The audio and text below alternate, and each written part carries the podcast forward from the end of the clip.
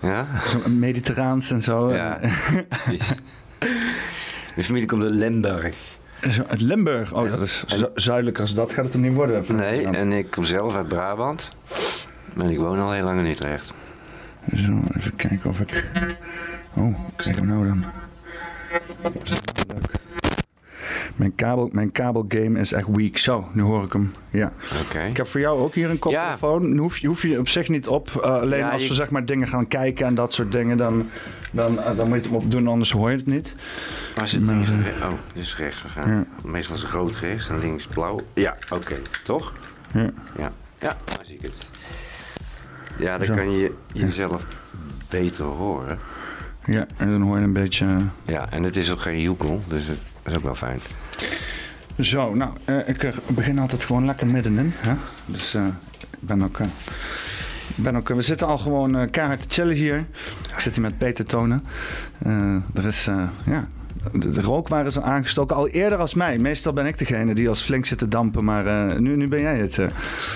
Ja, maar ik rook wat anders dan jij. Ik, ik ben af en toe een sigarenroker. Ja, ik rook ook wel dingen die jij ook rookt, maar die ga ik nou niet doen. Ja, wat, want eh, waarom rook jij sigaren? Ben ik wel benieuwd naar. Eh, om, omdat ik al vaak gestopt was met sigaretten roken. En toen ben ik op sigaretjes overgestapt, want die rook ik dan in principe niet over mijn longen. Oké, dus het is eh, eigenlijk een gezondheid. Uit gezondheidsoverwegingen ben je sigaren gaan roken. Ja, Heel veel mensen zeggen dat een sigaar een soort van de ultimate fuck you is. Nou ja, het, heeft een voordeel nog ten opzichte van eh, sigaretten en check. Dat ik koop dan zo'n kistje en die zijn ook heel goedkoop.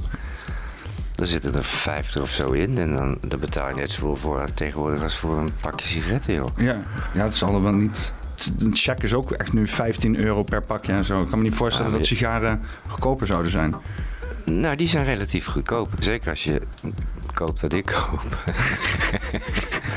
maar jij, Bij de- bij je woont je zit hier niet zo idioot ver van, van de Duitse grens. Nee. Ja.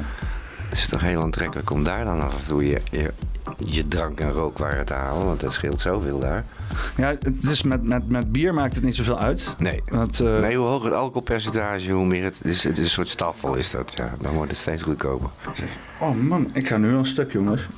Ja, we zitten hier dus in de studio. eh, raam weer open, bouwlamp aan. Ja, dat is, dat is dan nodig, want het is een bak daglicht naar binnen van heb ik jou daar. Ja. Dus, dus dit, is wel, eh, dit, dit, wordt een, dit wordt een uitdaging, maar ik heb er zin in. Dan is dit gewoon, dit wordt, dit wordt een, een goed gesprek en een sauna-sessie, Ja. denk ik. En poppenkast eh, nummer 82, wat vind je daarvan? 82. Oké, dus eentje meer dan 81.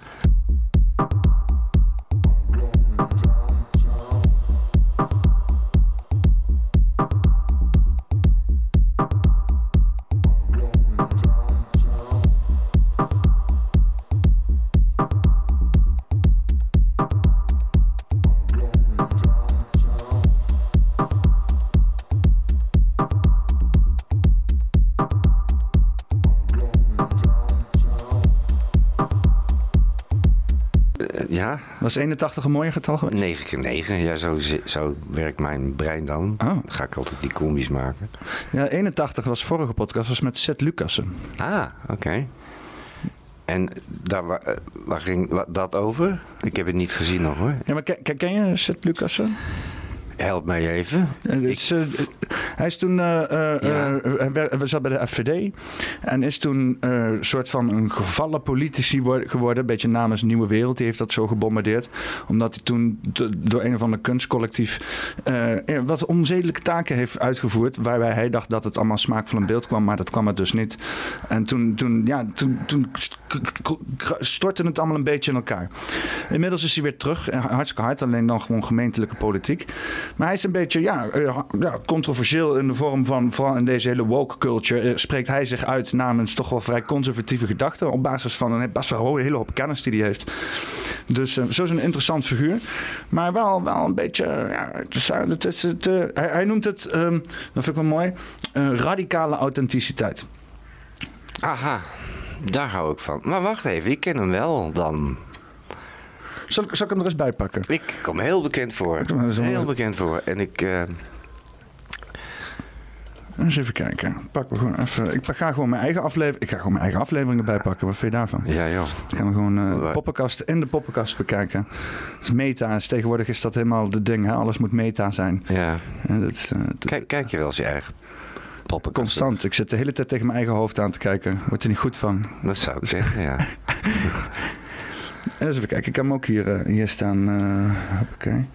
Ja, ja, ja, ja, ja. Nou, dat heb ik proberen. Ja, nee, die, die gast Eh, ken ik. Ja, ja, ik heb een, ik heb, die heb ik wel eens anderhalf uur in een andere podcast bezig gezien. Ja. Eh, en ik mag hem wel. Ja. Ja. Nee, om, gewoon om. Niet of ik het. Het meeste ben ik nog met hem eens ook. Maar ik hou inderdaad ook van authentieke mensen. ja.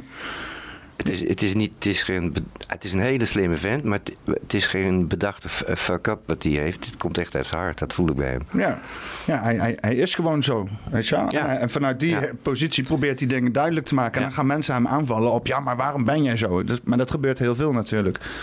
Dus dat imago wat dan afgebrand moet worden of zo... vooral als het dan allemaal niet in het straatje valt. Maar hij valt ook in niet veel straatjes. Maar daar is hij ook trots op. Maar ja, dan kan je ook klappen krijgen. Dat, dat krijg je dan, ja. Ja, maar je, je, je kan er donder op tegen zeggen... ik ga even lekker aan het audio kutten nou. Dus mensen die aan het luisteren zijn... die denken van, wat krijgen we nou? Dat doe ik. Ehm, eh, dat als bijvoorbeeld een Rutte... Hè, als daar gewoon een deep dive in gedaan zou worden... van wie is deze man en wat zijn zijn gewoontes... en wat vindt hij diep van binnen zelf...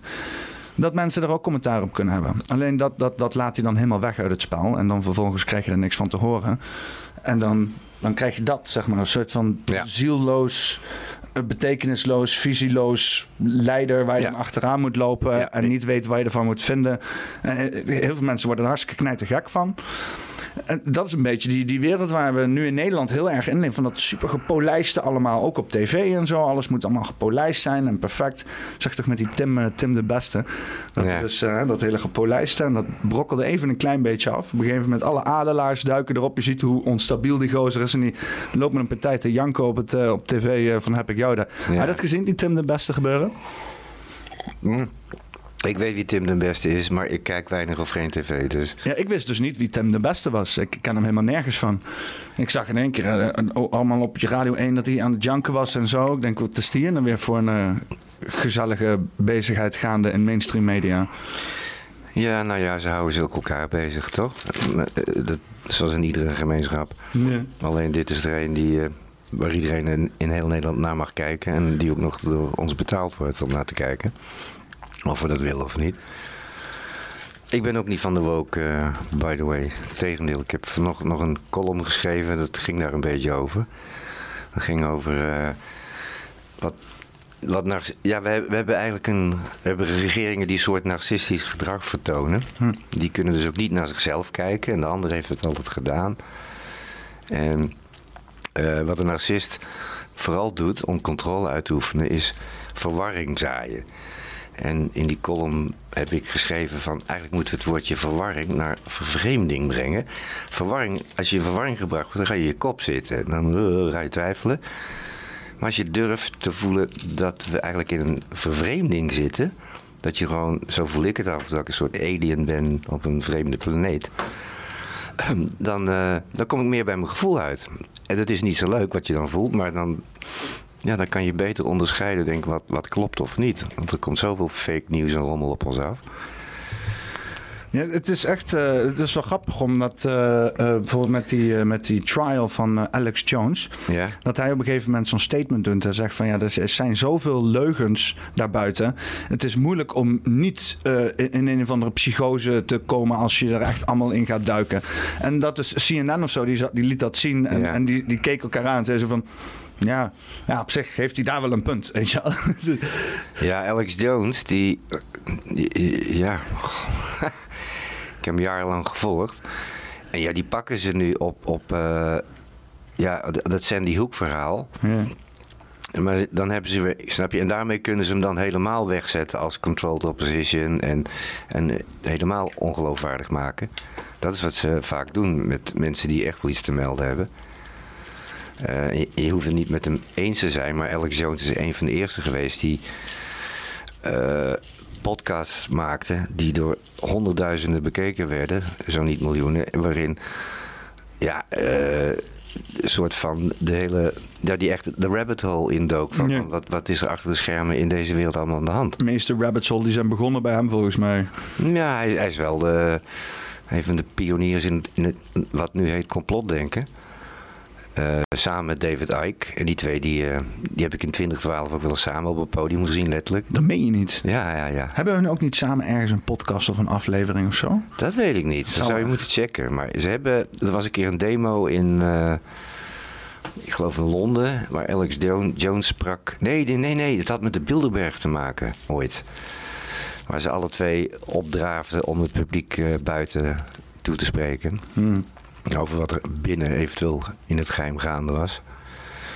Ook zo'n woord Bilderberg. Ja. Dat, nu kent iedereen dat woord. Het is hier vlakbij begonnen. Hè? Ja. We zitten hier in Erm. Dus, ik, eh, ik, ik heb letterlijk veel vrienden van mij en mijn, eh, eh, eh, die daar gewerkt hebben vroeger. ja. Ja, ik heb vroeger gewerkt bij Bilderberg. Nee, maar je hebt, je hebt ook in Bilderberg en Scheveningen. Het is een, hotelketen. Ja, en Renkum en zo. Ja, Ja, ja. nee, reken maar dat bedoel ik, dat kan je vanuit jouw flat kan je daarheen fietsen. Ja, ja. Naar, naar het, het, het symbool van, van Bilderberg. Dat- Ja, ik weet, niet, hoe- ja, ik weet niet of die mensen daar zelf iets van af weten die daar werken nu. Ja, dat, eh, want ik kan me herinneren dat, eh, dat eh, een maat van mij inderdaad op een gegeven moment zei... ik werk bij Bilderberg. Ik zei, huh, Bilderberg? Ik zei, wat? Je weet wel wat Bilderberg is? Volgens mij heb ik hem toen inderdaad uitgelegd over Bilderberg... en de hele, Ja. de- de- onze koning die daar voor het eerst die meeting heeft gehouden... en dat dat nu al, weet ik veel, 50 Ja, jaar lang... nee, Prins Bernhard oh. Prins Bernhard was Oh ja, onze prins was dat. Als we dan toch over narcisten hebben. Ja, was dat erin? Nou, ja, dan heeft hij wel alle, had hij wel alle kenmerken van, ja. Want is het, is het een beetje begonnen bij Prins Bernhard? Wat is begonnen?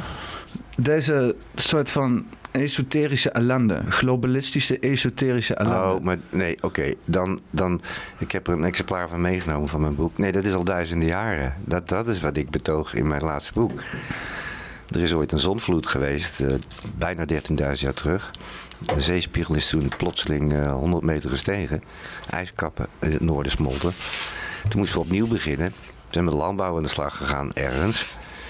En daar zijn tempels aangetroffen waarin ons verteld werd dat wij de baas over de, gevaarlijke natuur waren. Dus wij moesten de planten en de dieren domesticeren. Maar boven ons waren goden die dan weer de baas over ons waren. Dat concept, dat je dan in die, ja, een soort sociale piramide, dat is al heel oud. En het heeft in Sumerië een impuls gekregen 5000 jaar terug met die stadstaat en met die Anunnaki en dat hele verhaal. En in Egypte en daar is allemaal door die ja, dan kom je terecht bij aliens, geïnfiltreerd. Overigens, wij zijn zelf ook aliens, maar eh, Ja, want g- geloof jij dat wij van de Neandertalers afstammen? nee. Nee? Nee, er zit, er zit wel Neandertaler DNA in ons. Dat, dat is ook gecheckt. Maar wij zijn, qua DNA zijn wij een soort galactisch vuilnisbakkenras. Er zit, er zit DNA van heel veel stelsels in ons. En wij zijn niet, zoals de Darwinisten ons doen willen geloven, uit apen voortgekomen. Ik bedoel, we hebben DNA wat heel veel op apen lijkt, maar ook op, op, het leek net zoveel op dat van honden of katten. En dat zijn we ook niet. Nee, er is, er is ingegrepen. De, de, de- Oké, de creationisten die zeggen dat God alles geschapen heeft. En de Darwinisten zeggen dus dat het allemaal met een... eh, met evolutie ontstaan is, met eicelletjes die zich... eh, bacteriën, bla bla bla. Miljoenen jaren aan evolutie Ja. en zo. Allebei niet waar. Nee. Hoe noem je de derde stroming? Ja, dat is een goeie. Daar, moet ik, daar zou je woord voor moeten verzinnen. Galacticisme? Dat zou kunnen. Ik bedoel, daar zijn, kijk, ik, ik denk... De homo sapiens, dat zijn wij nou, hè? Dat is echt een andere soort dan Neandertalen. Al blijkt dat ze het ook met elkaar gedaan hebben. Althans, dat gaat mij vanuit. eh, omdat ze botten van Neandertalers en mensen bij elkaar gevonden hebben. En ook wij DNA van Neandertalers hebben. Maar we zijn het niet verder. Nee, er is... ehm, er is van buitenaf ingegrepen. Ik, ik denk dat wij mensen hier al heel lang op aarde waren. Maar toen was de aarde wa- was nog niet zo verdicht tot wat het nu is. En wij hadden meer contact met andere dimensies en werkelijkheden. Terwijl we hier een soort instrument hadden, wat een lichaam is, om dingen te beleven. En dat is gehackt, Ja. dat instrument. Dus ik denk dat wij zelf nu goden zijn die denken dat ze slaven zijn. Want dat zit in het. Dus, snap je, ons lichaam heeft een soort programma. Hebben ze erin gestopt die jou vertelt dat jij uh, moet, moet buigen voor hogere krachten. Dat je slaaf bent. Maar is dat niet zeg maar gewoon heel prettige gedachte ook. Los van dat het natuurlijk. Uh... Nou, kijk om je heen. Voor veel mensen vinden het fijn als, als Rutte zegt wat ze moeten doen. Of, of, of een andere autoriteit. En ik vermoed dat het meeste lezers of kijkpubliek van, van dit programma, van deze podcast. Dat zijn die mensen die, die juist weer scheid aan autoriteit hebben. Of externe autoriteit. En dan, dan kom je meteen op het punt waar we. We zitten wat dat betreft op een kruispunt. Met z'n allen. Dan heb je eigenlijk eh, nodig, zou je zeggen, voor elk persoonstype, voor elk soort persoon een eigen ideologie. Mensen die graag uh, onderdanig zijn, mensen die graag zelfstandig zijn, mensen die gewoon helemaal, of weet ik veel, de leiding willen pakken of domineren of zo.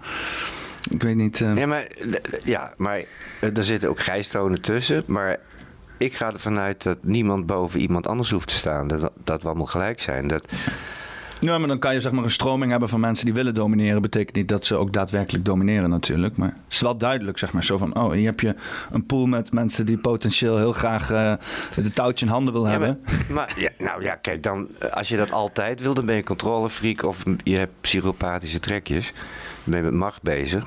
Ja, want eigenlijk wil je die juist niet aan de macht hebben. Hè? Dat is toch het hele idee. Dat ze zeggen van de, hele, de, hele de beste leiders zijn degenen die dat niet willen zijn of zo. Ja, maar wat je ziet is nu dat de hele planeet gehackt is door een stelletje psychopaten. Ik bedoel, uh, ja. Eh, we hadden het over Rutte. Van mij betreft bestaat die man amper. Want die, uh, dat is gewoon een programma. Mark, dat staat volgens mij voor uh, Nationaal Autonoom Regeringskast. ja, dit is Mark 1 of 2. Ja. weet trouwens niet. Misschien hebben ze... Mark 4 is dit nu, hè? Ik, ja, ja, ik vermoed dat ze hem gereviseerd hebben. even een beetje het programmaatje nog strakker uh, bijgesteld. Even, even een, een nieuwe update. Uh... Ik vraag me dan af, wat, wat Kaag is ook zo'n grappige naam wat dat betreft. Zou dat dan zijn? Um, kunstmatig... Uh, artificieel? Ja, kunst, ja, kunstmatig aangestuurd. Uh, uh, anatomisch uh, nee. gekkie. Ach, achterbakse ja, ja. Achterbakse gnieperigheid, ja. Kunstmatig, wat is het nou? Kunstmatig aangestuurd achterbakkelijk gnieperigheid, ja. Ja, ja zoiets. Ja. Maar dan moeten we gewoon nog wat vaker zeggen, dan klinkt het wat soepeler. Ja, maar je zit gewoon op een planeet, dat is heel raar, waar mensen dus dit kunnen zeggen en dat kunnen doen. En dat, die hebben die posities. Je moet bij verkiezingen ook niet, niet kijken wat ze beloven, maar wat ze gedaan hebben. Je moet juist naar het verleden kijken. Ja, je moet in mijn optiek sowieso naar niemand luisteren. Ik bedoel, je moet wel naar iedereen luisteren met fascinatie en dan denken van wauw, dat, is, dat is gezegd. Maar niet dan het ook meteen internaliseren of zo. Het moet eerst door een hele molen van, van zelfstandige denkpatronen gaan voordat, voordat je iets echt internaliseert in mijn optiek. Hè. Maar heel veel mensen die nemen gewoon allerlei dingen klakkeloos over. Dan is het gezegd door iemand en dan voor het weet staan ze het zelf ook te spuien of whatever. Dat, dat, is, dat, is, ja, dat, dat maakt het beïnvloedbaar. Ja, ja, ja, ja, maar en toch zitten we nu wat dat betreft in een gekke tijd. Want ja. uh, met fake nieuws, dus wat moet je aannemen? Er worden ons eh, dingen voorgeschoteld uh, door wetenschappers over, ik noem maar wat, CO2, stikstof, COVID-19. Uh, en dat wordt dan weer tot religie verklaard. Alsof, tot, tot, of sorry, dat wordt een religie omdat het... Het is een religie geworden. Het is een religie geworden. Het is een, gewoon een stelsel van aannames. Uh, uh, ja, daar moeten wij allemaal maar tussenin, tussendoor navigeren over wat daarin klopt of niet. En ja, ik pleit ervoor om gewoon naar je gevoel te gaan wat dat betreft. Het kan zweverig klinken, maar...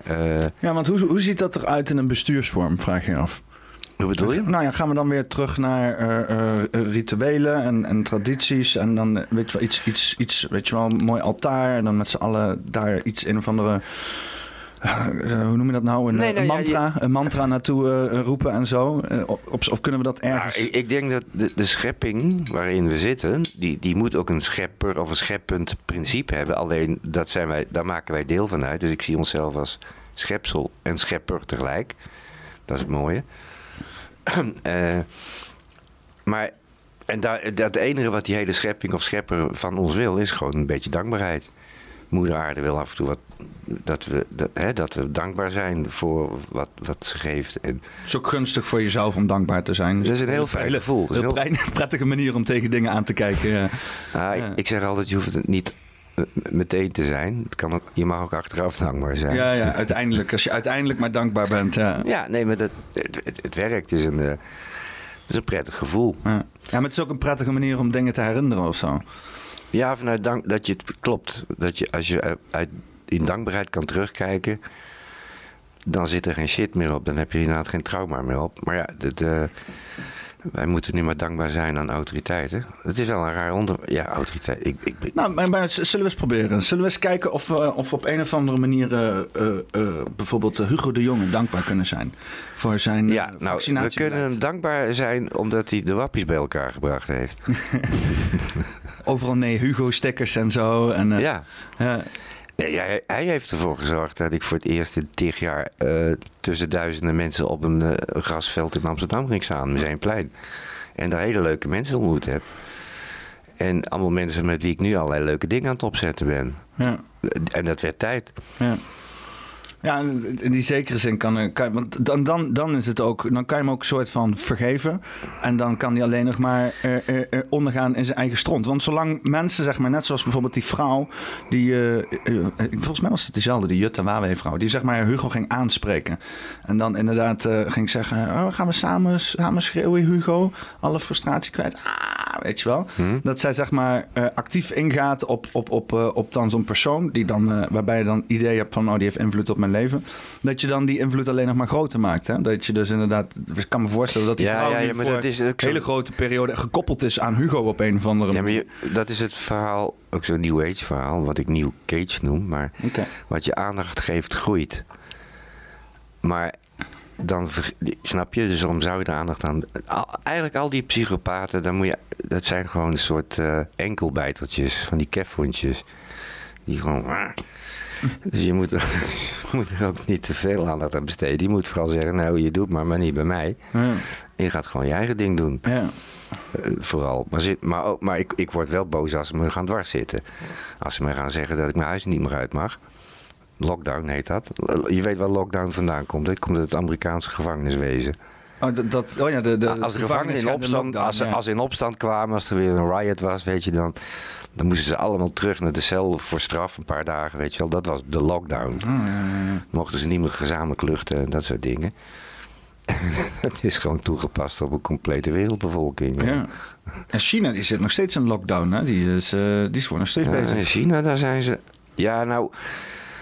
Ja, die Chinezen. Ja, nee, het is een andere cultuur. Daar, daar, eh, eh, wist je dat in het Chinees het woord privacy niet eens bestaat? Sta ik niet eens van te kijken, inderdaad. Maar nee, dat wist ik nog niet. Hey, daar, daar, daar ben je pas een beter mens als jij je opoffert of deel uitmaakt van het geheel. En wij in het Westen hebben meer het idee van je bent hier pas goed als je jezelf bent. Ja. Dus eh, je moet je juist, ja, hoe zeg je dat, als individu gaan presteren. En dan moet je vervolgens maar kijken hoe dat dan in de gemeenschap past. Want die gemeenschap kan, het, kan je vervolgens ook weer uitspugen. Maar in China is het omgekeerde. Ja, je hebt was- daar een collectivisme in plaats Ja, ze hebben, van ze hebben individualisme. foto's gedaan, eh, proeven met Chinezen en Amerikanen. Dan zie je dus een, een, een, eh, een poppetje op de foto, een mens met nog wat mensen eromheen en een grote achtergrond, bijvoorbeeld bergen of wat we hier hebben. En ze kunnen gewoon scannen waar je aandacht met je ogen heen gaat. En die Amerikaan die ziet, de die ziet- eye-trackers ja, ja. die ziet dan meteen die figuur op de voorgrond. En de Chinees die ziet die mensen op de achtergrond.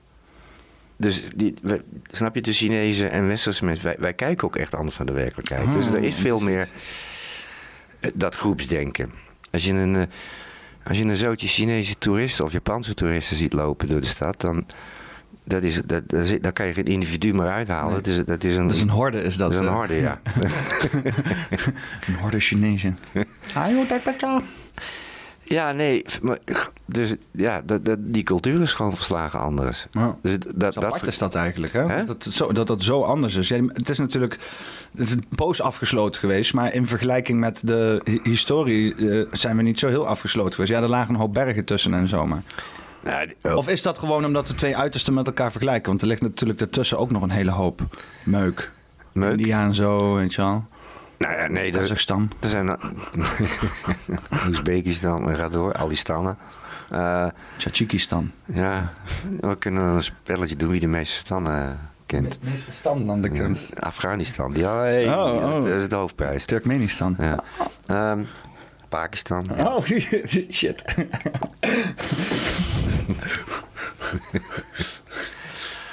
Ehm, Nee. Wat betekent stan eigenlijk? Die moet je opzoeken. Ja, dat vind ik inderdaad ook. Ik, ik vind dat soort dingen. Ik, zo heb ik ook eens opgezocht wat low betekent en zo. Dat soort dingen. Dat allemaal. Ja, stan. Ga je nou intikken stan betekenis? Ja, ja. Een overzealous of obsessive fan. Ja, dat is natuurlijk. eh, even kijken. Dat is een eh, fan. Standbediening in. Turkmenistan, eh, even Kazachstan, Kazachstan. Zo, eens even kijken. What does stan mean? The suffix stan is a Persian and Urdu for place of or where one stands. Aha. Waar, waar hij staat. Oh, dat is Urdu. Dat is een hele oude taal. Persisch en Urdu. Dat- nou, per, Persisch, dat is, dat oude Persisch, dat is Farsi. En Urdu, dat is een oude Indiase taal. Oh.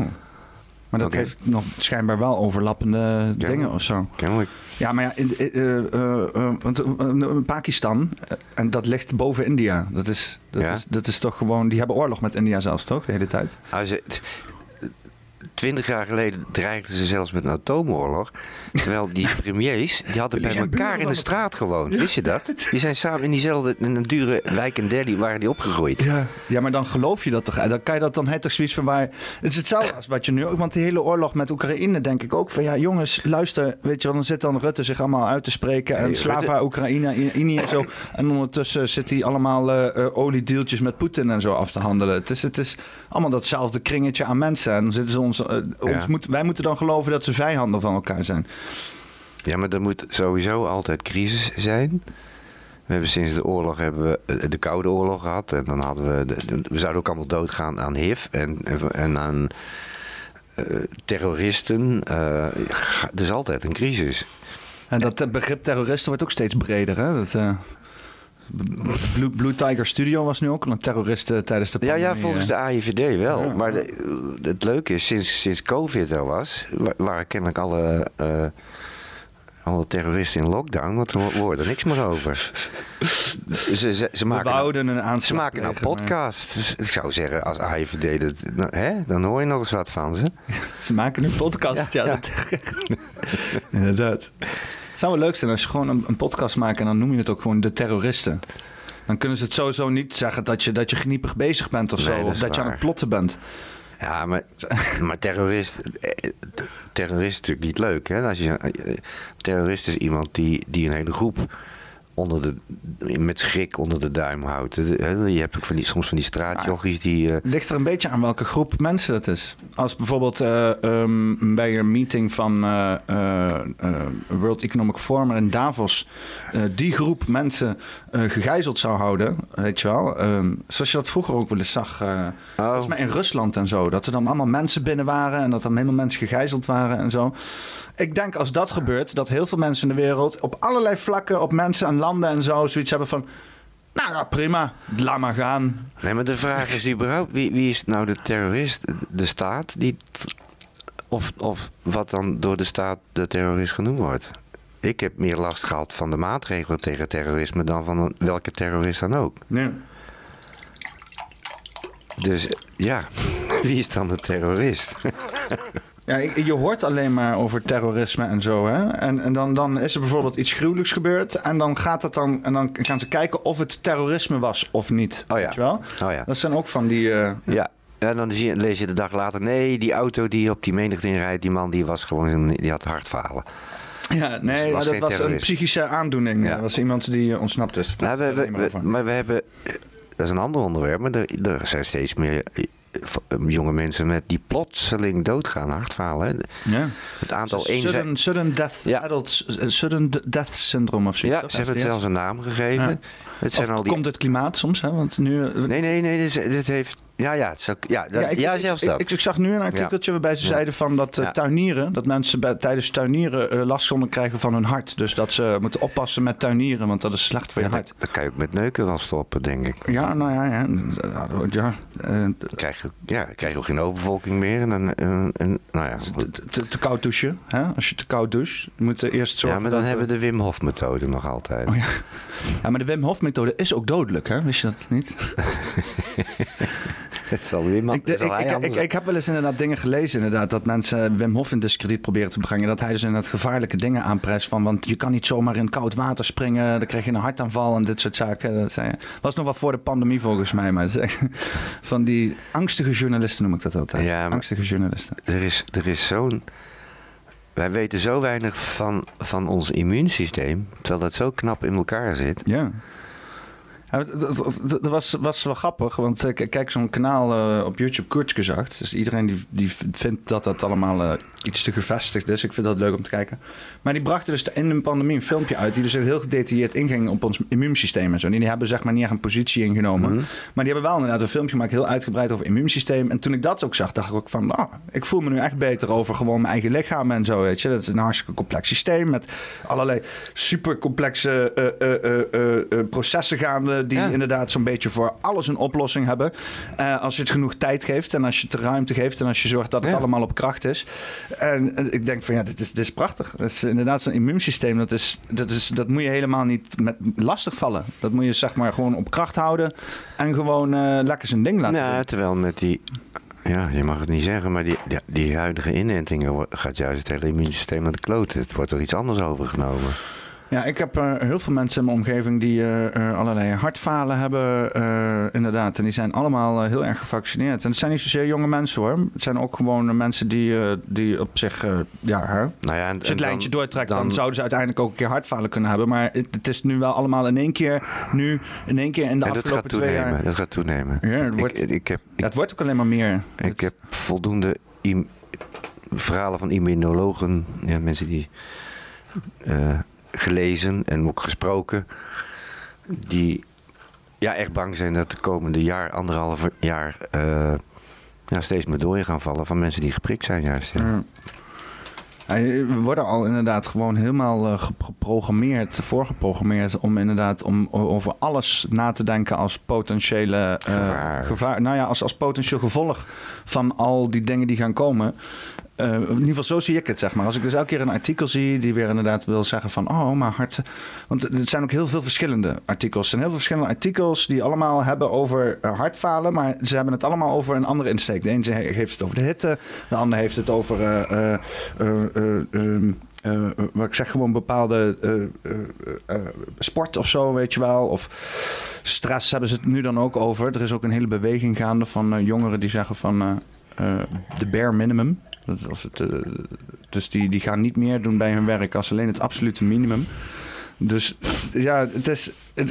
maar uiteindelijk niemand heeft het over, over ook maar enige. Het, sowieso die vaccinaties in de mainstream media, niemand heeft het er meer over. Een soort van. Want ze zeiden altijd van ja, maar ja, wacht nou gewoon de onderzoeken af en dan komt er iets op terug. En dan heb je dus allemaal onderzoeken nou. Zoals Pfizer heeft zelfs een heel eh, dingen vrijgegeven Ja. waar van alles over te vertellen is. Maar Ja. niemand, niemand gaat, daar, gaat daarover buigen. Hè? Sterker nog, alleen maar Nieuwsuur gaat dan buigen over mensen die daar, zich daarover buigen. En dan gaan ze dat proberen te debunken. Nou, het, het vervelende is, je moet statistieken en, en, en die cijfers moet je kunnen interpreteren. En iedereen haalt er weer het zijne uit. maar ja, En je moet een, een, eh, ja, een nulgroep hebben, hoe zeg je dat, een controlegroep. Die onderzoeken van Pfizer, die, heb, die hebben niet ook de, gro- de groep onderzocht die niet geprikt zijn. Dus die zijn gewoon gaan kijken naar een soort van resultaten van de geprikten. En eh, zeggen dan dat het meevalt. Maar zet het maar eens naast de niet geprikten. ja. Die groep, eh, die, die, die wordt nooit als controlegroep gebruikt. Maar ze hebben, ze hebben toch uiteindelijk ook, volgens mij met die testen, iedereen die de nulmeting was, ook gewoon geïnjecteerd uiteindelijk. Ja, dat is om nog ingewikkelder. Er zijn ook verschillende batches. Ja. Er zijn er ook met een zoutoplossing. Eh, Hebben mensen ook gewoon in het placebo gekregen Ja. en zo? Ja. Ja. Maar dan weten ze dan nog wel wie dat zijn. Want nee. Dat had ik ook inderdaad gelezen, dat ze dus niet meer wisten wie, de, Nee. wie dus de, de, de, de nulgroep was. Nee, er is, is sprake van een wereldwijd gigantisch medisch experiment. Eh, wat tegelijkertijd helemaal niet aan de voorwaarden voor welk medisch experiment dan ook voldoet. Ja. En sowieso, eh, er is nog die, die Nuremberg-code waarin, weet je, eh, je- als jij je als vrijwilliger voor een experiment aanmeldt, desnoods krijg je er geld voor nog, maar wij moeten ineens deelnemen aan een experiment waar ik niet voor getekend heb. Ja. Ehm, ja. ja, nou goed. We zitten in een omgekeerde wereld, maar dat hoort ook weer bij die psychopaten en zo. Die draaien alles om. Dat heet liegen. Dus, ehm, Ja, pa- pa- parlement betekent ook gewoon door te liegen, toch? Je wel eens opgezocht op, eh, op Google vertalen? nee, par- parlement zal van parler komen, denk ik, van praten. Ik heb geen idee. Nou ja, het is, het is wel grappig als je dat inderdaad, eh even kijken, naar Google vertalen gaat. Ja, ik had het al eh, voor de kijkers, ik heb het al duizend keer gedaan, maar het, is nooit, het verveelt nooit om te doen. Go Verlan, zie je dat? Ook eh, goed te kan typen. Google vertalen. Eh, eens even kijken. Doe hier Frans naar Nederlands. Nou, perfect. Parlement.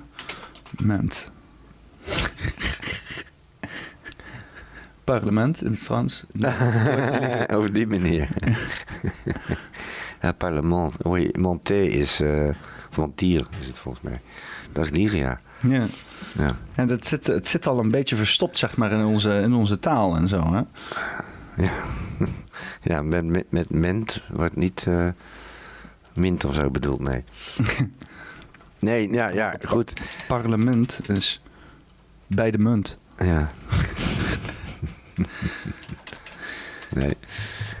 Maar is, is, is, is politiek eh, eh, alleen maar liegen? Alleen maar liegen? Is, is er een andere manier om het te doen? Of, of moeten we gewoon een soort van duurza duurzame manier van liegen zien te vinden? Of moeten we gewoon Nee, nee, helemaal nee. niet meer bezig zijn met politiek? Want politiek is ook een soort van onvermijdelijk, lijkt mij altijd. Hè? Nee, ze maken, het, ze maken zich onvermijdelijk. Ja. Ehm, er worden ons wel heel veel problemen aangepraat. Hè? Dat is- nou ja, ik ben voorstander van dat alles meer lokaal geregeld wordt. En we moeten vooral af van die partijpolitiek. Dus je moet gewoon per issue gewoon met z'n allen besluiten van... nou, we gaan daar die brug aanleggen... of we gaan dit voor onze gezondheid doen of whatever. en dat niet overlaten aan mensen die een agenda hebben. Ja.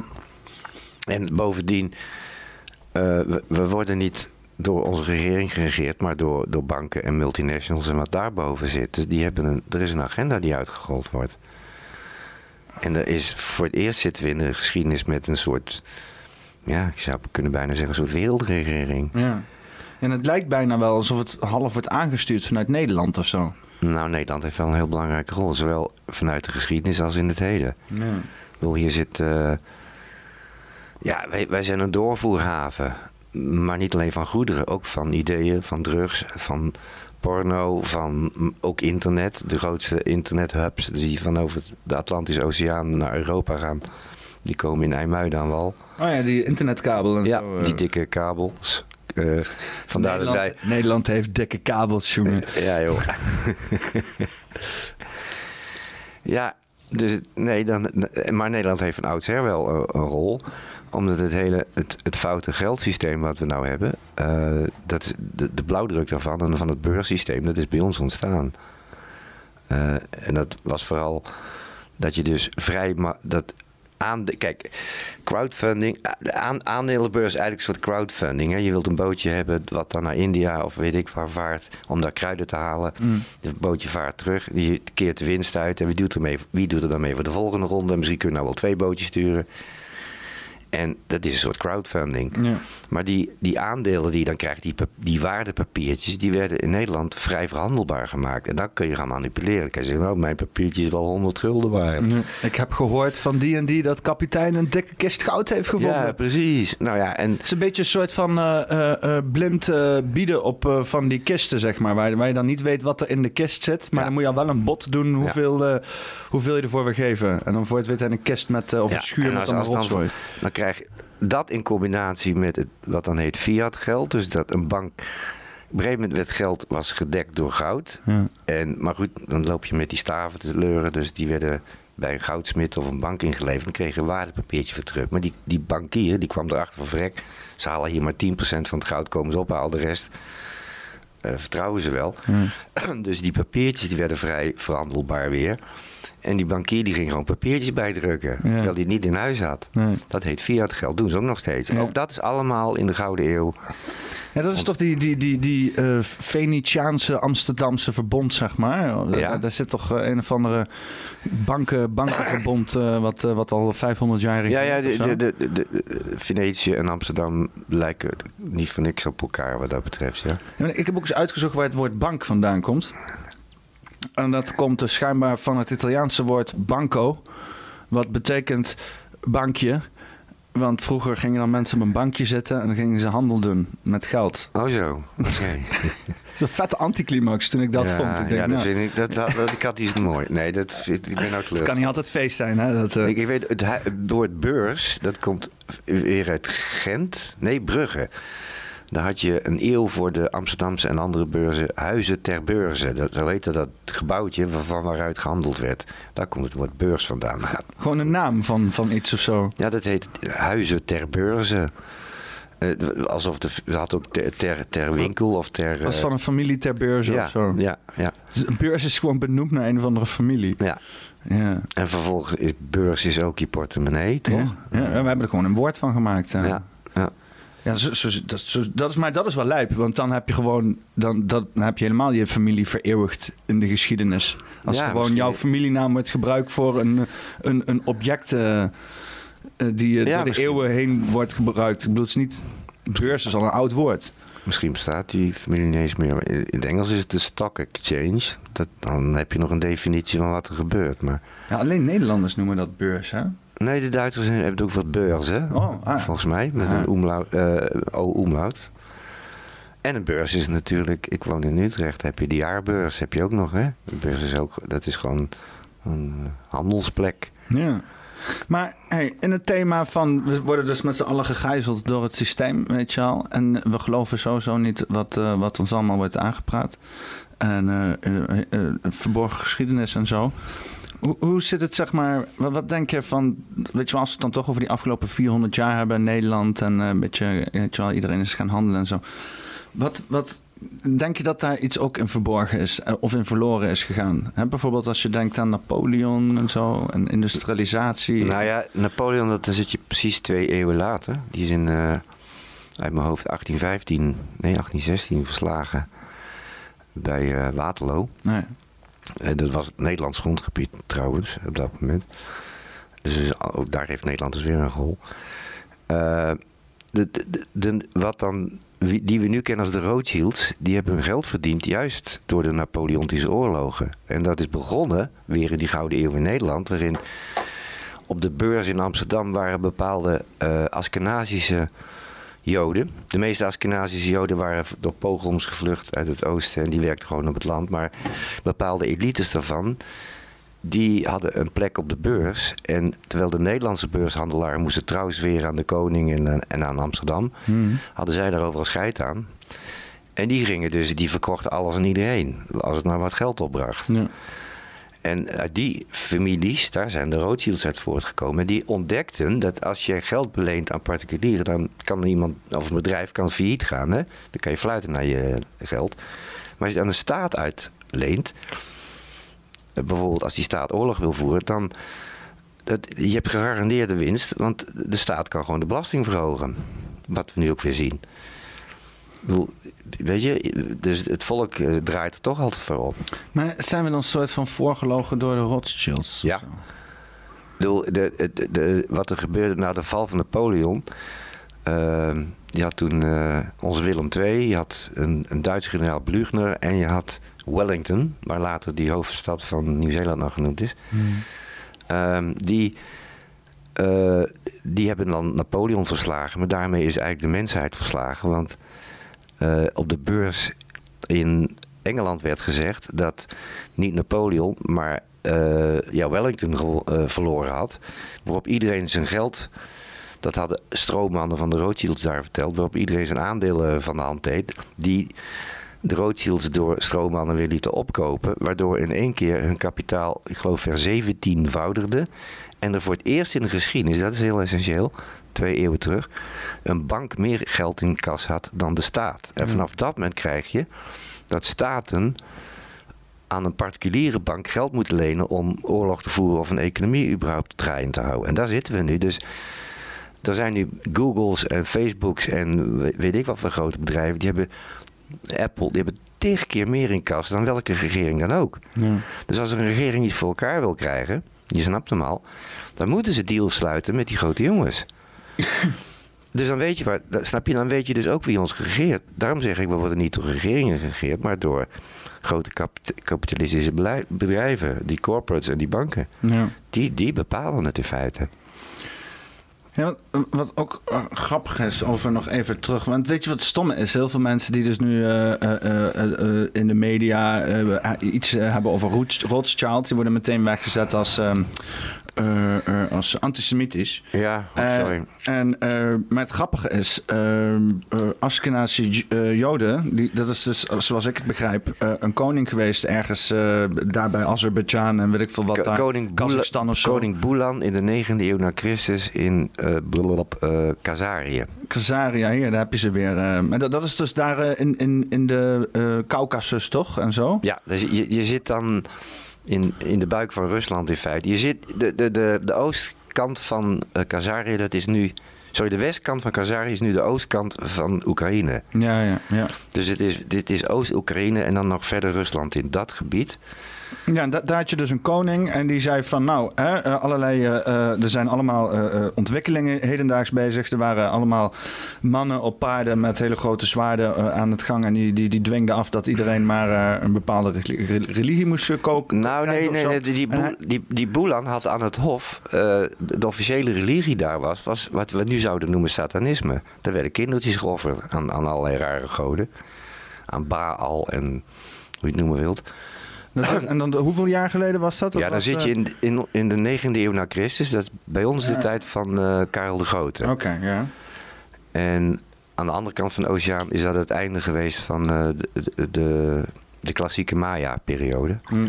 Werden ook, eh, werden ook mensen geofferd en zo natuurlijk, hè? Dat is later gebeurd. En dat waren vooral de Azteken. Oh ja. Maar dat is wel het beeld wat wij daarvan hebben. Want toen de Spanjaarden daar aankwamen, troffen ze die offers allemaal, allemaal aan. Maar overigens, ik ben bekend geworden ooit door een boek over de Maya-kalenders. En daar weet ik, daar, dat is echt een topic waar ik de hele middag over kan lullen. Nou, daar gaan we het straks dan ook over hebben. In deel 2 Maar dat- van de podcast. die goden van de Maya's waren ook geen lievertjes. Dat, de, de, de gevederde slang, dat was daar de belangrijkste godheid. Nou, daar heb je weer zo'n slangachtig wezen. Dat hebben mensen toch met slangen op een of andere manier. De slang is het meest aanbeden eh, dier eh, bij alle religies op deze planeet. Is dat dan gewoon omdat dat ding op elk continent te vinden is? Of? Nee, dit heeft met slangachtige, of in de in Chinese versie draakachtige wezens te maken. Ehm, ja, slang is, is, is vooral eh, levenskracht. Hè? Het is eigenlijk één grote ruggengraat, maar zonder pootjes. All, all backbone. Ja, en, maar dat is, allemaal, dat is wat, wat in de Indiase traditie dan Kundalini-energie heet. Het is levenskracht, seksuele energie. En, eh, maar dan, om, dit te om die, over die slangen te snappen, kijk, dan kom je bij hele oude literatuur terecht. Eh, in de gnostiek, daar werden die duistere krachten de argonten genoemd. En, maar die argonten die hadden geen identiteit. Sorry, die hadden, eh, er waren entiteiten zonder identiteit. Als ze een vorm hadden, waren het slangachtige wezens. Dus die, eh, dat waren dus de, ja, die goden. Maar ja, nou wordt het echt een alien verhaal. Want er zijn bepaalde slangachtige wezens van Draco. Draco is ook een draak. haha. Eh, en andere stelsels geweest die... eh, ja, de... de, de de, de, de, de, god, hoe heet het, die, de reptilianen, die van bepaalde stelsels komen. Dat zijn eigenlijk de, ja, de, de, de boeren, de landbouwers van het universum... die overal levensvormen zaaien om ze te kunnen oogsten. Omdat ze zelf niet kunnen creëren. Er zijn gewoon wezens in dit stuk van de schepping... Van de, die, ehm, ja, laten we zeggen, werken met de bouwstenen van de schepping... zonder de schepper ervan te erkennen. Dus die, die werken alleen met Externe factoren. Ja. Zo. eh. dat zijn die robotachtige krachten. De overeenkomst tussen een robot en een psychopaat is dat ze allebei geen empathie en, en geen geweten kennen. Ja. Dus robots zijn bij uitstek het instrumentarium en robotachtige ideeën en krachten voor mensen die macht en controle willen hebben. En die krachten die, die hebben ooit onze planeet gehackt, lijkt het. En ons als goddelijke wezens gevangen gezet. Eigenlijk omdat ze niet over die kracht zelf beschikken. Dus wij, wij mensen met onze levenskracht zijn, leveren de stroom voor die apparaten van die, die zij zijn. Maar is dit dan ook bijvoorbeeld zo'n baal? Ja, Baal was geen lievertje. Als, als, als Baal zijn zin niet kreeg, dan, eh, dan... Dat is ook diezelfde... God, dat mag je niet zeggen, maar... Dat is ook die Yahweh in de Bijbel. Dat was, die, die werd niet aanbeden met, met wat wierookjes en, en, en zo. Maar dat, dat, die, moest, die wilde kindertjes geofferd hebben. Die wilde die levenskracht hebben. Wat we nu dus satanisme noemen. En dat was dus ook aan het hof van die koning Boelan. En die... Dat was een agressief eh, koninkrijk wat steeds meer uitbreidde. En die kregen donder met uit het noorden de christenen en het zuiden de moslims. En toen heeft hij een truc uitgehaald. Heeft hij, hij had wat, eh, Simsalabim. ja, had wat Joodse eh, rabbies in dienst aan, de- aan zijn hof. En die heeft hij gewoon ge- gezegd van nou, dan maak maar het hele volk Joods. En dan zijn wij, naar buiten toe zijn we dan brave mensen. En dat heeft gewerkt. En dat heeft tot gevolg, en dat is vloeken in de kerk, maar ik heb het met name uit Joodse, van Joodse wetenschappers. eh, dat het overgrote deel, kan wel 90% zijn van de, wat zich Joods noemt, is, komt niet uit Israël, maar komt eh, uit Kazarië. Maar dat, dat zijn dus soort van eh, satanisten die het jodendom hebben geïnfiltreerd. Ja.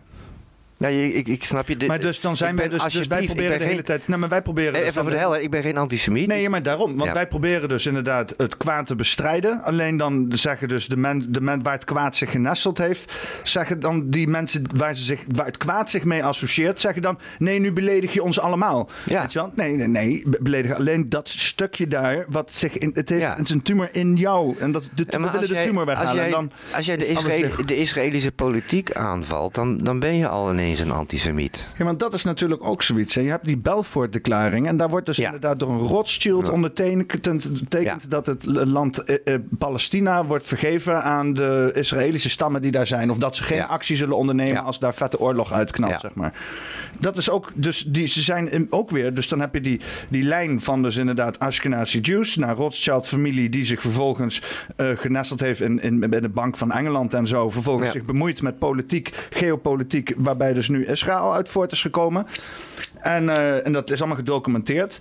Maar nee, dat is allemaal antisemitisch. Ja. Ik, ik, dat verklaart misschien ook. Ik bedoel, de Sidi hebben wij dan in Nederland. Ik, Jood, ik heb veel Joodse vrienden, voor de helderheid. Zelfs een, een relatie met een Joodse gehad. En ik heb duizenden kilometers door Israël gereisd. Ik heb daar ook vrienden. Ik, ik, Naar, jij- Au- naar Auschwitz geweest ook? Nee, daar ben ik niet Oh. geweest. Dat is niet, eh, hè, dat is, dan, dan heb je het hele cirkeltje rond natuurlijk. Ja, dat zou ik dan nog kunnen doen. Ja, ik ben, ben dan nog nooit in die buurt geweest. Nee, ja, pff. nee het lullig is dat, dat het eh, rijke Joodse elite geweest. De Rothschilds, die hebben samen met de, de, met de familie Bush eh, de Hitler in het zadel geholpen juist. Ja. Dus Ja. die, die, Joodse, die zogenaamd Joodse elite, die heeft scheid aan zijn eigen volk. Maar goed, dat geldt voor alle elites. Ons koningshuis heeft ook scheid aan het volk. Die zijn alleen met geld bezig. Ja, maar dat is een beetje het punt als je komt in die elite wereld. Dan maken al die verschillen die ze ons allemaal proberen op te leggen, die zijn daar in één keer allemaal geen ding meer. Nee, kijk, maar zij gaan ervan uit dat wij schapen zijn. En die hebben nou eenmaal herders nodig. En dat zijn zij. Ja, ja. Ja, je kan alles goed lullen, maar zij zien echt. eh, ja, zo zien zij het echt. Maar is, is dat een beetje een soort van valkuil waar je invalt als je, als je eh, in zo'n... Want dat, ik, zie het, ik probeer het altijd te zien als mensen in een situatie, weet je wel. Dus die Ja. mensen zijn een soort van ook mensen. En die worden dan allemaal shit voorgehouden en verteld. En dan zijn ze grotere mensen met, een soort van zelfstandigheid, zou je denken. Maar eigenlijk is dat ook allemaal een zelfgecreëerde wereld of zo. Hè? Dat is ook een soort van maar- massa-hypnose waar hun... Ja, maar nou zeg je zeggen. iets interessants, omdat wij mensen onderschatten. De, wat je dan moet, moet noemen onzichtbare krachten. En, het, en, en gedachten zijn al onzichtbare krachten. Mhm. Dus, eh, oké, ik vergelijk het altijd met. eh, eh, oké, wij zijn nu in Arnhem. En ehm, wat, maar wat Arnhem is, dat begint niet bij dat bordje 50 kilometer, zeg ik altijd. Maar Arnhem is gewoon wat jij en ik, wat iedereen denkt wat Arnhem is. Dat, is, dat kan je dus als een gedachtenveld zien. Noem het een cloud. En dan komt het. Dat we daar interacteren wij mee. Dus jij hebt jouw ideeën, die, die plaats je in die cloud. En je haalt er weer dingen uit. Maar dan wordt die cloud van bovenaf aangestuurd. Dus er wordt verteld wat Arnhem is. En dat is hoe mind control werkt op allerlei manieren. Dus, en het is ook Maar vanuit... Bedoel je dan in de vorm van propaganda of Ja. in de vorm van bepaalde negatieve energieën? Of is, is, Dat- is alle, alle, alle levels. Het, het vervelende is dat wij eh, niet willen weten dat we door astrale, dus de onzichtbare energie en gedachten en emoties worden aangestuurd. Hm. Eh, en daar wordt door die krachten dankbaar gebruik van gemaakt. En dan heb je het over dat ze precies weten hoe ons brein werkt. Dus als, als jouw brein iets een paar keer hoort, het oude normaal zal niet meer terug, noem maar wat, dan ga je dat geloven. En zo wordt er allerlei dingen herhaald en je brein neemt het dan voor waar aan. Ja, maar wat ik stom vind, hè? want uh, uh, ik heb zeg maar eh, eh, een soort van marketing school gedaan, even heel banaal gezegd. En dan krijg je al dit soort dingen, de allerlei psychologische Ja, eh, eh, voorvalsels, inderdaad, eh, allerlei inderdaad neurolinguistisch programmeren, maar ook gewoon beeldvorming. ehm, ehm, eh, in principe, wat, wat bijvoorbeeld zo'n eh, ehm, eh, Matthias Desmet schrijft over massavorming Mhm. en zo.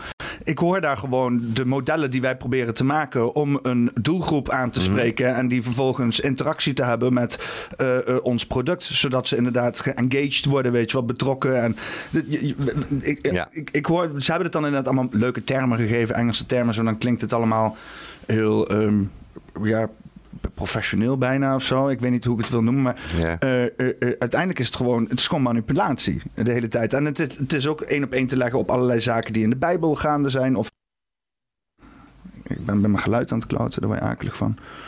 Is dit de dag? Is dit de dag dat mijn audio het gaat begeven? Nee. Ah, ah daar is hij weer. Ik heb al een mengpaneel eh, in de maak ergens. Dus eh, het komt allemaal goed. Maar ja, in ieder geval, en daar heb ik zoiets van: het, het is niet geheim of zo. Het is geen geheime informatie. Alleen Niet meer. Nee, want die, die krachten. Niemand had ooit van de Rothschilds gehoord. Niemand had van Bilderberg gehoord. We, we zitten in de tijd van de apocalyps. Eh, maar apocalyps is niet Armageddon. Hè, maar apocalyps is ontsluiering. Het boek Openbaringen, dat is apocalyps. Ah, Dus het- dat komt nu allemaal aan het licht. En dat verklaart ook waarom die agenda die nu eh, uitgerold wordt van die World Economic Forum en wat heb je, de EU. die, dat moet nu in een versneld tempo, want mensen worden wakker. En ik geloof ook nog in dat wij als soort updates kunnen krijgen. En eh, snap je dus dat ons bewustzijn kan groeien. en dat, kun- daar heeft het apparaat geen antwoord op. Want het apparaat kan alleen maar herhalen. Het kan alleen maar kopiëren en parasiteren. Het kan niet creëren. En daar zit onze kracht.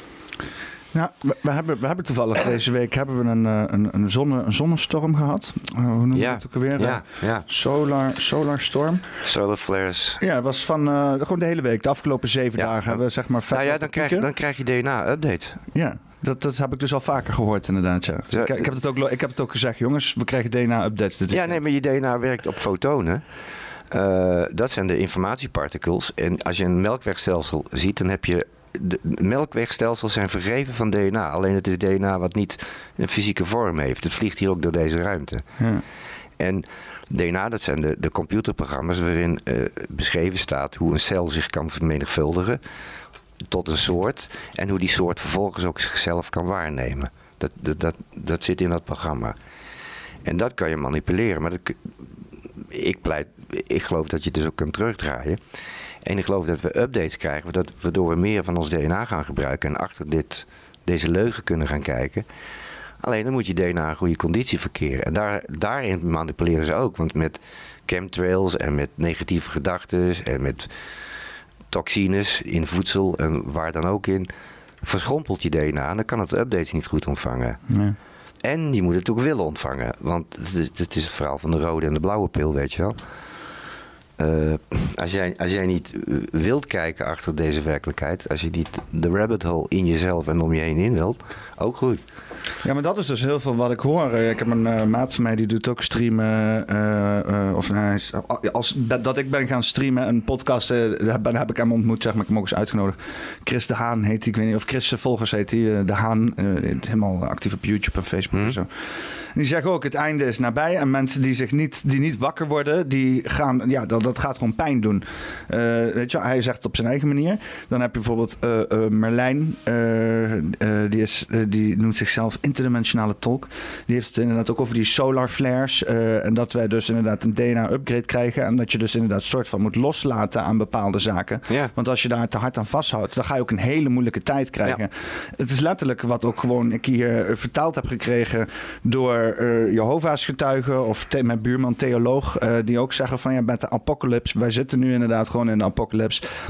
Daar moet je je gewoon gaan overgeven. Je moet, hè, hun noemen het dan vergevenis vragen, maar ja, ik, weet- je, het- in mijn zin is het allemaal gewoon vormgeven aan diezelfde gedachten, weet je. Alleen hun doen het dan via het christelijke, want ik moet eerlijk zeggen, die hele Jehovah-getuigen is ook wel weer andere shit en zo. Ik probeer me er niet te veel in te verdiepen. Maar Nou, ik- ik, ben ook dat- zeggen van hun moeten ergens aan vasthouden, want anders ga je het ook niet, dan word je gestraft, dan Ja, word je ik- geoordeeld. Ik en dan- respecteer ieder zijn, zijn zienswijze en ideologie. En dat, dat wil zeggen, eh, althans, waar, daar waar die niet schadelijk is voor anderen of voor mij. Ja, als het gewoon gebruikt wordt om je realiteit om je heen te omschrijven, vind ik het altijd. eh. Ja, maar het is. Wilders die, zei, die noemde ooit de islam een ideologie. Maar dan, als je dat consequent doort, daar heeft hij gelijk in. Maar dan is het het christendom en het hindoeïsme is dat dan ook. Ja. Ja. Eh, Dan moet je ook inderdaad eerlijk wezen, inderdaad. En eh, ja, dat, dat, dat, is, dat is een zienswijze, maar dat, dat kan je van, van alle eh gedachtensystemen zeggen, dat het ideologieën zijn. Ik denk dat we naar een tijd gaan waarin we alles moeten loslaten over wat je denkt wat werkelijkheid is. Dus ook, dus ook politieke en religieuze systemen, vergeet maar. Het gaat allemaal niet meer werken. Ik, ik heb hier een filmpje gevonden eh, van een gozer. Die houdt eigenlijk eh, de, de, de, de, de, zonnes, zonnes, de sunspots in de gaten. Ja, En ja. de aardbevingen en de Ja. hele geologische toestand. En eh, probeert echt gewoon vanuit zijn objectieve gegevens... wat eruit is in de meteorologische wereld en in de astrologische wereld... om daar gewoon objectief dingen over te vertellen en zo. Maar nu heeft hij dus een filmpje gemaakt wat, wat minder objectief is... maar die vind ik ook altijd wel interessant. Dus een klein stukje kijken en dan ga ik ondertussen wat te drinken pakken. Is goed? First, if you have not noticed that the world seems to be going crazy, please ask someone close to you for help lifting up the rock under which you've been living. Politically, culturally, economically, there's an idiocracy building in the world today, and there are no shortage of reasons to be stressed, to feel squeezed, to feel like the world you knew, and which at least made a bit of sense, is falling apart all around you. But in addition to the obvious, what you see on TV, there's something else affecting every living creature on this planet, and human complex thought and brain systems are extremely vulnerable to it. On top of everything else on our shoulders, our ability to carry that weight is under attack. The magnetic poles of this planet are shifting faster and faster, and with them, the overall magnetic field strength protecting the planet is weakening. We lost 10% of that field in 150 years, then 5 more from only 2000 to 2010. And the experts said we had gone from losing 5% of the field per century to 5% per decade. We are now more than 20% down, and the shift continues. This is important because we all live in an electromagnetic environment, not only our bodies themselves, but the Earth, the atmosphere, the global electric circuit, the geomagnetic field. We've spent copious amounts of time on the channel reviewing the physiological impacts to our bodies, but the brain and cognition are not immune, with hundreds of studies confirming this concept as well. The weakening magnetic field of Earth means that we are even more vulnerable to the electromagnetic effects of space weather, solar flares, geomagnetic storms, and cosmic rays. In Weatherman's Guide to the Sun, Chapter 6, we compiled many of the relevant studies, which show that both the particle impacts and electromagnetic fields produced by space weather have intimate interaction with our brains. Cognitive defects, emotional instability, neuroinflammation, and some of the details are profound. Anxiety amplification has been repeatedly studied and confirmed, with in vivo animal studies now elucidating the mechanisms driving the many times noted. Wa- wat hij, wat hij dus soort van probeert te doen om een soort van eh, enigszins op een objectieve wetenschappelijke manier toch die koppeling te maken van ja, wat je ziet in de wereld, dat heeft wel degelijk een of andere verbindenis met de astrologische zaken die gaande zijn of zo. Ja, wij, wij, wij maken deel uit. Eh, Oké, de aarde is de derde planeet vanaf dit zonnestelsel. The third rock from the sun. Ja. Eh, en die zon is, een, is onze lokale ster. Maar we zitten in een nevel van honderden miljarden sterren... die allemaal weer hun planeten en eh, manen hebben. Nou, honderden miljarden, dat is echt bizar. Dat, dan heb je het over alle zandkorrels Ja, van de Sahara. Ik kan me dat niet voorstellen hoeveel dat is. eh. En dan schijnen er ook nog honderden miljarden melkwegen te zijn. Dus Mm. hou op. Eh, maar snap je dus, hallo, wij zijn niet alleen. Dat, is, dat we er moeilijk contact mee hebben, dat is een andere kwestie. Met die andere, met aliens of whatever. Maar dat, dat moet er gewoon. Dus Zo, wij- zover, nee. zover wij weten En wij ik hebben, contact mee we, we hebben. hebben, we hebben, kom op, nog, wat ik daar straks zei, nog, nog geen 13.000 jaar terug is er ook een ramp gebeurd. Dus die zeespiegel is toen in een dagtijd, huppakee, 100 meter gestegen. Heb je gehoord van Doggerland? Ja. Want ik ben daar de laatste tijd een beetje door gefascineerd. Want eh, even terug naar die, eh, naar die, naar die, naar die Chris eh, Volgers dat ik zei. Of Chris, de Haan, eh, Chris Volgers, de Haan. Hij, hij spreekt de hele tijd over... eh, hij is ook in, in die Tataria gebeuren en zo. En dan heeft hij het over eh eh, Frisia. eh, Ja. Het oude land van de Friezen. En nu ben ik dus op een soort van eh, kleine eh, eh, geologische tour gegaan door YouTube. En ja, het zijn gewoon wat, wat de oude geologen en zo. En mensen die bezig zijn voor, voor de Nederlandse staat of allerlei instituten. Om dus inderdaad allerlei opgravingen te doen in het oude Doggerland. Iets wat dus inderdaad tussen Engeland, eh, eh, Noorwegen en Nederland ligt. En dat is een van de grote bank. eh, het De nou? Doggerbank. Ja, een doggerbank inderdaad. Maar dat, vroeger was dus zeg maar de zee 120. En vroeger hebben we dus inderdaad over wat eh, 5000 tot 10.000 jaar ergens daartussen. Was dus de zee 120 meter lager. En dan was dat dus een hele grote vallei waar allemaal dingen nog afspelen. Ja. Een koninkrijk was. En dit was, dit was slechts de rand van nog heel veel land wat daar, daar allemaal gaande was. En dat is 5000 jaar geleden zeg maar. Toen was dat nog gaande. 5000 jaar, ik denk langer. Maar maakt niet uit. Ja, nou ja, 10.000 jaar Nee, nee, geleden ik- heb je die, die, die smeltende ijskappen Ja, gehad. ik geloof 10.800 voor Christus uit mijn hoofd. Dus Ja, bijna maar- 13.000 jaar terug. Maar ja, die, die ijskappen waren niet zo weg. Dat was ook een heel proces van duizend nee, dat ging heel natuurlijk, snel. eh. Nee, nee, dat ging Ja, razendsnel. echt, hè, ja? ja, dat is de grap. Eh, nee, we hebben het over... Er zijn meerdere eh, koude en warme periodes geweest. En Ja, want het ademt natuurlijk zo, hè? Dan ademt ja, het in lol, en die, ademt het weg. zo. die Utrechtse heuvelrug, wat jouw stad met de mijne verbindt, die is ontstaan door dat ijs wat dat gewoon een soort rimpel gemaakt heeft in de landmassa en die zich terugtrokken. Toen bleef die rimpel liggen. Dat is die Ah. heuvelrug Ah, waar we zo tegenaan kijken. Maar dat is nog van veel eerder. Nee, we hebben het over een. En die rampen zijn er vaker geweest. En er zijn ook poolshifts geweest, oftewel verschuivingen van de Noord- en de Zuidpool. En eh, daar zit een patroon in. En we zijn al, nou al misschien al duizenden jaar over tijd dat dat al lang weer moet gebeuren. En wat dat filmpje ook liet zien, is dat op dit moment de kracht van het magnetisch veld aan het afnemen is, dramatisch, met soms echt hele gaten erin. En de magnetische polen zijn ontzettend aan de wandel. Die zijn honderden kilometers al ja, die lopen, die lopen zo rond, zo, Ja. zeg maar. Want die, mensen denken van, oh, je hebt een pool en die staat dan stil. Nee, dat, dat, dat gaat Nee, de hele die, die tijd... is echt aan de wandel. Dan ligt hij weer in, in Canada, dan in Groenland dat, en dan in Siberië. Eh, Dus als je dat ding wil zoeken, dan ben je ook eh, een eeuwigheid bezig, zeg maar. nou ja, als je, letterlijk, als je een magneet zou hebben en die zou je in de tuin vastmetselen. Eh, en, en, en je gaat, gaat een jaar lang volgen. Dan zou je zien dat, dat eh, de, de Noordas dat, dat die niet voortdurend dezelfde kant op wijst. Hij wiebelt gewoon. Meen je? Ja. Ja. Ja, Gekke shit is dat eigenlijk, ja. ja dus- en Ja, wij, wij, wij zien die aarde ook vaak als een soort van vaste rots waar we op zitten. Maar het is eigenlijk maar een, een, een, een gemagnetiseerde bal met, met eh, vloeibare metalen. En wij hebben daar een heel klein korstje op of zo. Ja, het, het korstje is, eh, nog maar, is 30 kilometer dik. Dat is dunner dan als je het met een ei vergelijkt als de huid van een windei. Ja, de, de schil van een appel was toch ook... eh, Ja, ja. Ja, want dat is, want ik ben geen Neil deGrasse, of ik ben wel een beetje een Neil deGrasse Tyson fan, maar ik ben geen Neil deGrasse Tyson persoonlijkheidsfan, zeg maar. Maar ik vind het wel leuk, de dingen die hij af en toe zegt. En hij zegt dus ook van dat dus de aarde zo uh, glad is als een biljartbal dat het, het hoogste punt wat wij kennen, uh, uh, de, de Himalaya's, en het laagste punt, die Mariana-trenches, ja. is 8 kilometer, is inderdaad zo groot als Manhattan Island. En Manhattan Island ten opzichte van de omtrek van de aarde, dat is, dat is 1 tienduizendste deel of zo. Dus dat idee dat we, dat we heel veel hoogte en heel veel relief hebben, dat is omdat wij zo godvers klein zijn op deze gigantische bal. Maar uh, zover, zover het een bal is dan. Hè. Maar als het dan in ieder geval een bal zou zijn, zou dat ding zo glad zijn als een biljartbal. Als je, als je zeg maar een grote kosmische nee, zijn en het ding zou vastpakken, dan zou je hem super smooth vinden. Dat is, het, dat is het, de grap. Ja, nou, ik ga, ik ga er ook wel vanuit dat het een bal is, maar dan krijgen we, dat is weer een ander verhaal. Dan gaan we het over de platte aarde hebben. En, uh... Kan me geen bal interesseren.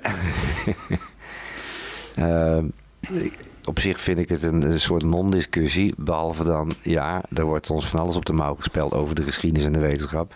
Maar je moet niet alles weggooien denk ik. Want we zijn echt door de NASA ook bedonderd. Never a straight answer. Dus ja.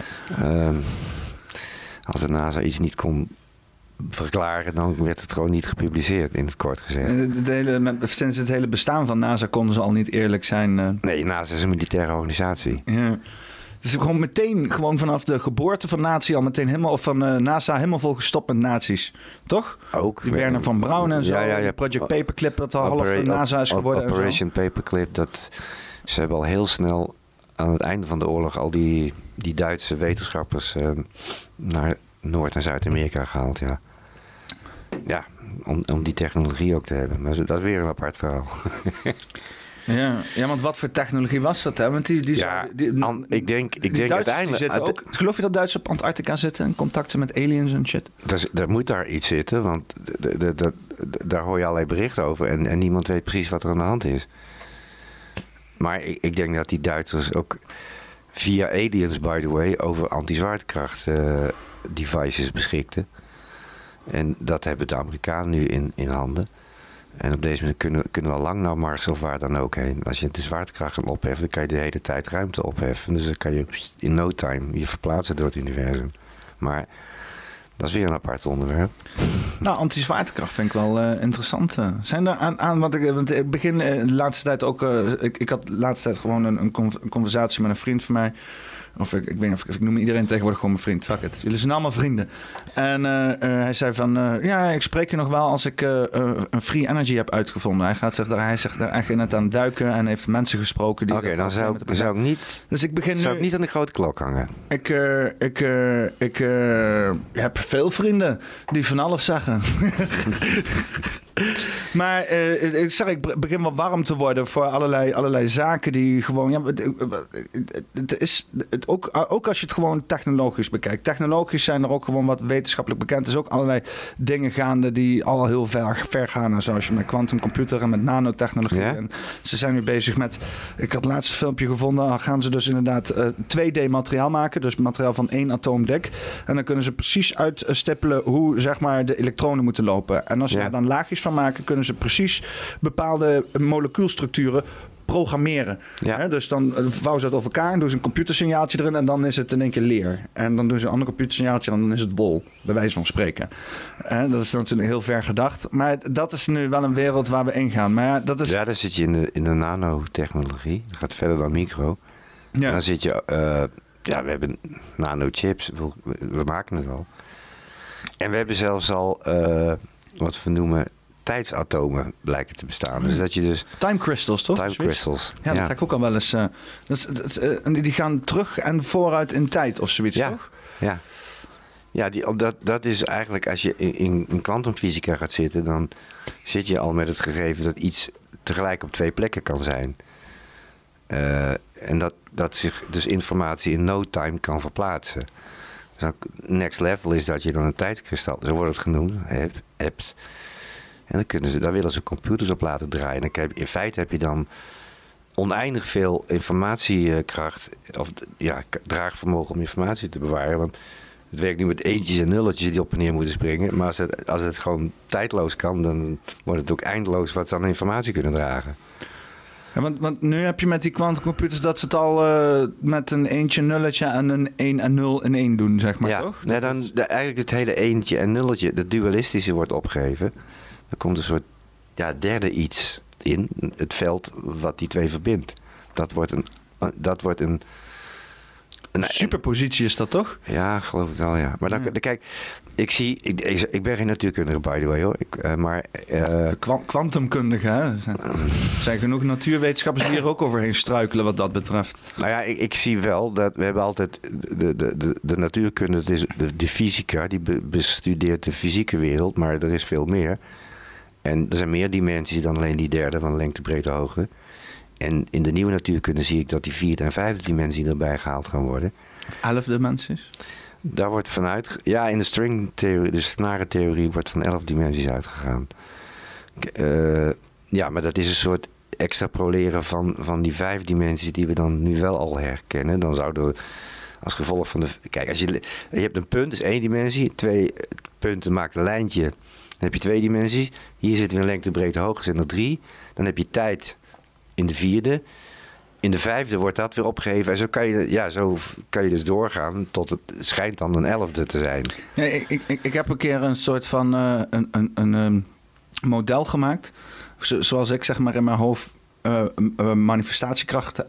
voor zie. Zeg maar. En dan ook die stroom van, van levensenergie. Hoe je dat een beetje dan als je wil mediteren, dat je dat dan uh, hogere frequenties krijgt. Ik heb een beetje soort van wat termen die ik op het internet heb gevonden, bij elkaar gegooid, in een model geflikkerd, in elf dimensies gegooid. En, en, en, daarna achteraf zeg maar gekeken van, oh, klopt dit een beetje met, met zeg maar uh, de, de chakra's en inderdaad het idee over hoe bijvoorbeeld het levensenergie of het goddelijke, hoe dat loopt en zo. En daar zit wat mij betreft gewoon heel veel verbindingen in. Uh, weet je wel, zelfs ook die elfde dimensie. Je kan echt inderdaad doorgaan. Dat je zegt, uh, de vijfde dimensie is een soort van de hartdimensie. Heb ik toen met Dino heb ik het heel lang over gehad. Mhm. Waarbij je dus echt moet gaan voelen. Hè? Dus dan die, neem je Dino, dat hele... Dino Sarratje van ja, ja, ja, van Dutch Matrix inderdaad. Uh, dat je dus in die vijfde dimensie echt die, die drie dimensies en de tijd moet gaan voelen. Hè? En dan kom je dus inderdaad in de zesde dimensie. Dat is uh, de uh, de multidimensionale wereld. Hè, dan kom je dus ook in, dan kan je dat nog opdelen, gewoon voor de gemak, in drie andere dimensies. Zevende, lage uh, frequenties, achtste, hoge frequenties en negen, de hoogste frequenties. En uh, dan kan je dus, zeg maar, als je daarmee bezig bent, mee opereren, in de tiende dimensie komen, en dat is dan 1-0. Dat is zeg maar hetzelfde. Dat is zeg maar het hele al, de hemel, het al zijn uh, is gekoppeld aan de elfde dimensie. De elfde dimensie is die stroming daarin, in het hele al. Mhm. Dus inderdaad die levensenergie, het goddelijke. 1-1. En kom je weer terug in uh, de eerste dimensie. Dat is in mijn optiek dan de pijnappelklier. Gewoon singularity, zeg maar, gewoon in één zijn. En dan kan je vanuit daar zeg maar, weer gaan manifesteren in twee dimensies. Wat mijn, in mijn optiek dan de twee helft breinhelften zijn, zeg maar dualiteit creëren. In de derde dimensie is onze realiteit, vierde dimensie met tijd. En dan waarom hou jij hier de pijnappelklier bij? Ja, eh, dat is toch de, de punt waarbij onze creatie ten stand komt. Terwijl het toch heel uh, ongrijpbaar is, omdat je nou, eerst... Ik, ik je zie de pijnappelklier als een antenne voor wat we er net over hadden, over die fotonen via die pijnappelklier, die, die regeert over ons hormoonstelsel. En dat wordt, uh, dat, dat wordt aangestuurd door de, door de zon en ook door die zonnevlekcycli.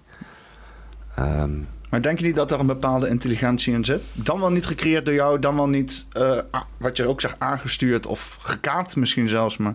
Ja, nee, dat, nou, oh, dat zijn drie dingen. Uh, ja, er, er, moet een intelligentie achter dit alles zitten, want het, het is het is een heel knap design waar we in, zitten. Maar ik denk dat we nu zitten in een kunstmatig design, omdat ons waarnemingsvermogen gemanipuleerd is. Dus wij, wij kunnen maar een heel beperkt aantal. Uh, onze, wat we aan geluid en licht kunnen ontvangen, maar ook wat we aan DNA gebruiken, we gebruiken maar 5%. Dus daar zit meer potentieel in ons. Maar op het moment dat je in dit lichaam zit, dan kom je in, dat, kom je in een programma terecht waarin dan dit de werkelijkheid is. Terwijl er veel meer is. En uh, op het moment dat je, ik noem maar wat, uh, in onder invloed van ayahuasca of wat, whatever bent, dan, hey, dan kun je in één keer achter de sluiers kijken. Of Soms hebben mensen inzicht. Of soms mensen worden gewoon psychopathisch. Uh, sorry, psychotisch. Ja. Iets anders. Oh. Ja, psychopathisch. Nee. Maar, Psychopathische mensen zouden eens een keer in psychose moeten komen. Dat is, dat is een uh, Oh, nederige, nederige ervaring, Ja. psychose. Ik denk het ook. Ik denk dat ze kapot schrikken. Ja. Ja, ja het, het niet leuke van een psychose is dat je... eh, ja, je, je kan eh, denken dat je God bent en, en, en kunt vliegen en dus van de flat eh, springen. Maar het, het, leuke is dat je alle grenzen zijn weg. Dus je, ik heb met psychotische mensen gewerkt. Ik, ik heb er een zwak voor. maar die kunnen soms echt letterlijk helder zien. Alsof ze door muren heen kunnen kijken. is bizar. Ja. Ja, die, in- mijn optiek zijn die gewoon zeer ontvankelijk voor zaken die wij niet zien. Ja, En daardoor in een soort van bijna andere dimensie leven. ja maar dan word, je, dan word je dus echt Ze hebben, ze hebben up tijdlijnen. Als, Ja. ik het, eh, als ik het eh, in Ja, dan termen Dan wil word je, dan word je, dan word je, snap je? En dan, ehm, dat, dan brand je door, weet je.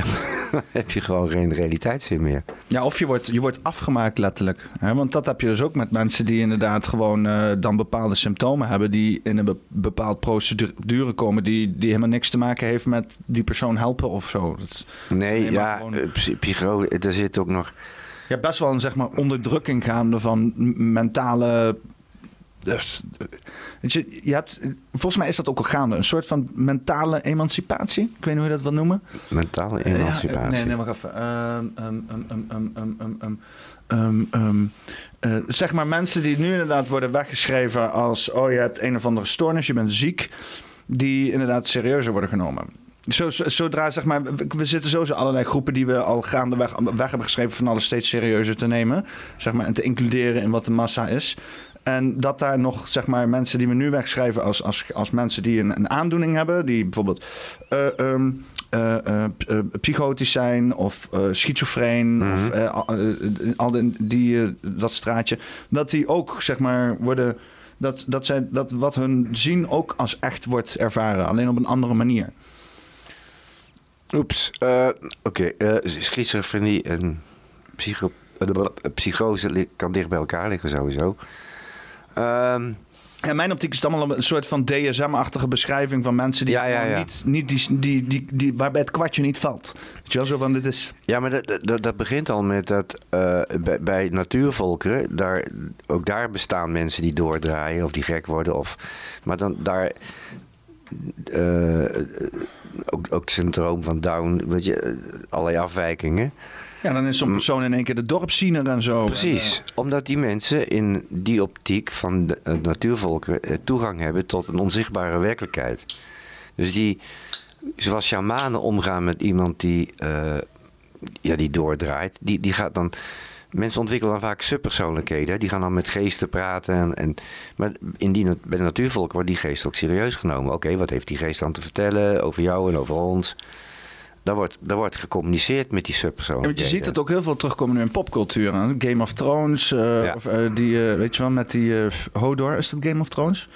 Ja, volgens mij wel. En met- dat jongetje zonder die verlamd was en die gaat dan op een hele tocht om dus zeg maar een of andere ravenkoning te worden of zo. En die Hodor natuurlijk, die dan inderdaad ook gekoppeld wordt aan een of andere door tijd barrière-achtige situatie die had moeten zijn zoals het zijn. Eh, je, je- zag het ook, want je hebt tegenwoordig ook heel veel series op Netflix die gaan allemaal over. eh, je hebt Vikings, dat is wel interessant. Ik weet niet of je dat kent. Vikings. Maar ik, ik heb geen Netflix. Ik kijk amper of geen tv. Ik doe... Ja, je kan het ook gewoon streamen op allerlei illegale Russische sites. Dat is ook geen probleem. Dat doe ik ook wel eens. Ja, dan krijg je Ik heb toevallig nu een krijg je wel dat Russisch gebrabbel erbij. Ik ken het. Nee, ja. nee, nee, dat is allemaal goede, goede dingen. Dat is, eh, de enige, je, krijgt, je, moet een, je moet je virus, je moet je computer zo nu en dan even, even goed opschonen. Want je, je krijgt gewoon een hoop, weet je wel, Russische mensen die vinden het fijn om eh, zoveel mogelijk... ge- ge- het is niet alleen Russische mensen. Mensen maken gebruik van Russische infrastructuur om heel veel gegevens van jou te Ja. vinden. En volgens mij is het vaak gewoon je buurman of zo, weet je wel. Maar, maar eh, ehm, wat ik wil zeggen is, eh, eh, Netflix heeft dus nu een hele hoop series. Je hebt Vikings, en dat gaat dan over de, de, de, de, de, vikingen. En dan wordt dus inderdaad die, die, die viking gebeuren wordt wat meer. En dat geeft dan wat meer inzicht over dingen die niet echt in geschiedenis worden verteld. Maar je hebt nu ook bijvoorbeeld, ehm, eh, eh, je had iets van de King of zo. En dat ging dan over, over de Germanen. En je hebt nu ook iets met met Kelten. eh, eh, eh, en, en, het is, het is, en, en dan komt dus ook elke keer voor een of ander eh, gehandicapt. Nu was het, bij die serie die ik nu aan het kijken was, werd iemand dus op zijn hoofd geraakt. En die was dus inderdaad gehandicapt. En die krijgt dus ook allemaal visioenen. En het dorp die gaat dan eh, hè, daarnaar luisteren. En dan worden er voorspellende shit wordt er gedaan en zo. Dus ik, ik zie in popcultuur, zie ik wel zeg maar dat gedachtegoed van... Hey, weet je wel, om alleen maar naar mensen te kijken van... Oh, jij bent gehandicapt en daardoor beperkt. Dus daarom, je, je ga maar, eh, word maar verzorgd. En dan... eh, Nee, maar dat is... dat, dat- dat, echt er op een diepere manier Als naar jij, kijken. als jij van, met, hey, met mensen gewerkt hebt met Down-syndroom, dan kan je zoveel van leren over gewoon, gewoon jezelf zijn. Dat, dat zijn de liefste mensen die je kent. Die zo bij hun gevoel zijn, dat zijn wij kwijt. De meeste, wij gaan allemaal in oordelen en gedachten en dingen zitten. En dat hebben zij niet. En in bijvoorbeeld de, de Japanse cultuur, de oude cultuur, waren ook vaak de ja, soort van verstandelijke gehandicapten, of, of überhaupt gehandicapten, dat zijn daar vaak ook mediums. Ik, ben het een beetje kwijt, maar ik kan me nog beelden herinneren van zo'n meisje in helemaal zo in een rolstoel. Eh, maar die kraamde van alles uit wat als zeer wijs werd eh, genoteerd allemaal. En wat ook wel heel wijs was. Beetje cryptisch af en toe, maar... Ja, god, gaan we dat... eh, we begonnen de- dit verhaal ook met authentiek zijn. Waar waren we ook weer? Ja, ra- radicale authenticiteit, ja. Dus als, gaat Zit hier blij mee zijn. Oh, Een, eh, een bruggetje van eh, syndroom van Down naar radicale aut- authenticiteit. Hmm, vindt hij niet erg. Hij kan, volgens mij kan hij heel goed tegen een stootje. Eh, om, snap je? Om, dan vraagt hij ook af en toe om. Met, met zijn standpunt. Maar ik, ik, ik, mag dit, ik mag hem graag in die zin. Eh, We hebben ook meer stootjes nodig eigenlijk. Hè? Die hele afgestompte zitten nou in wereld die- waar, die- waar heel veel mensen om vragen. Dat is ook die, eigenlijk die, helemaal niet wat je die wil. woke cultuur kan niemand meer ergens tegen. Maar dat is toch ook gewoon schadelijk? Het is toch gewoon schadelijk om zo woke te zijn? Ja. Eh, Er is een cultuur ontstaan waarin bij voorbaat mensen, be- eh, omdat ze beledigd zouden kunnen worden, al dingen niet meer mogen. Kijk, Tim van de Beste, dat is toch niet gezond? Dat is toch geen gezonde toestand van zijn? Dat is wat woke met je doet.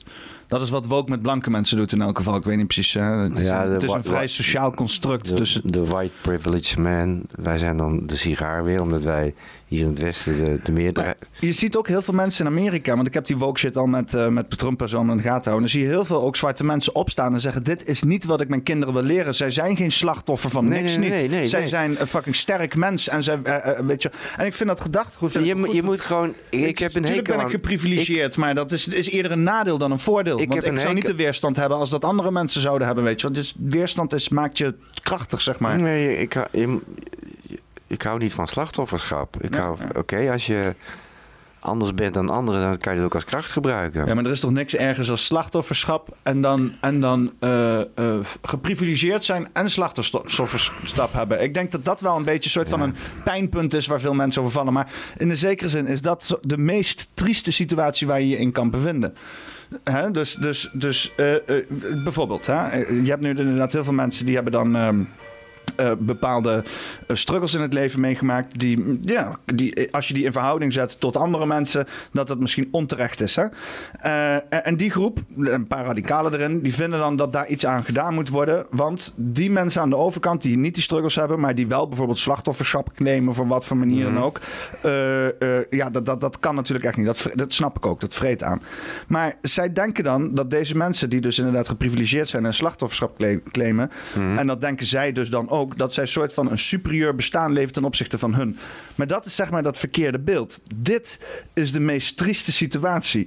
Hè? Mensen die inderdaad slachtofferschap zijn en slachtofferschap claimen, is niet de handigste methode, maar het is in ieder geval eh, in content met je situatie. Maar mensen die geen, niet in de slachtofferschaprol zitten, maar wel slachtofferschap. Ja. Schaf, slagstoffer, sch- slag, slachtofferschap claimen. Jezus, dat wordt steeds moeilijker hoe vaak ik het zeg. Eh, dan leef je toch gewoon, dan, dan kan je, dat is dat, meer dan dat, dan alles daar, daarna is gewoon ellendig. Dan moet je gewoon door een soort van slijk van, om daaruit te komen, dan, dat is de ultieme trieste situatie waar je in zit.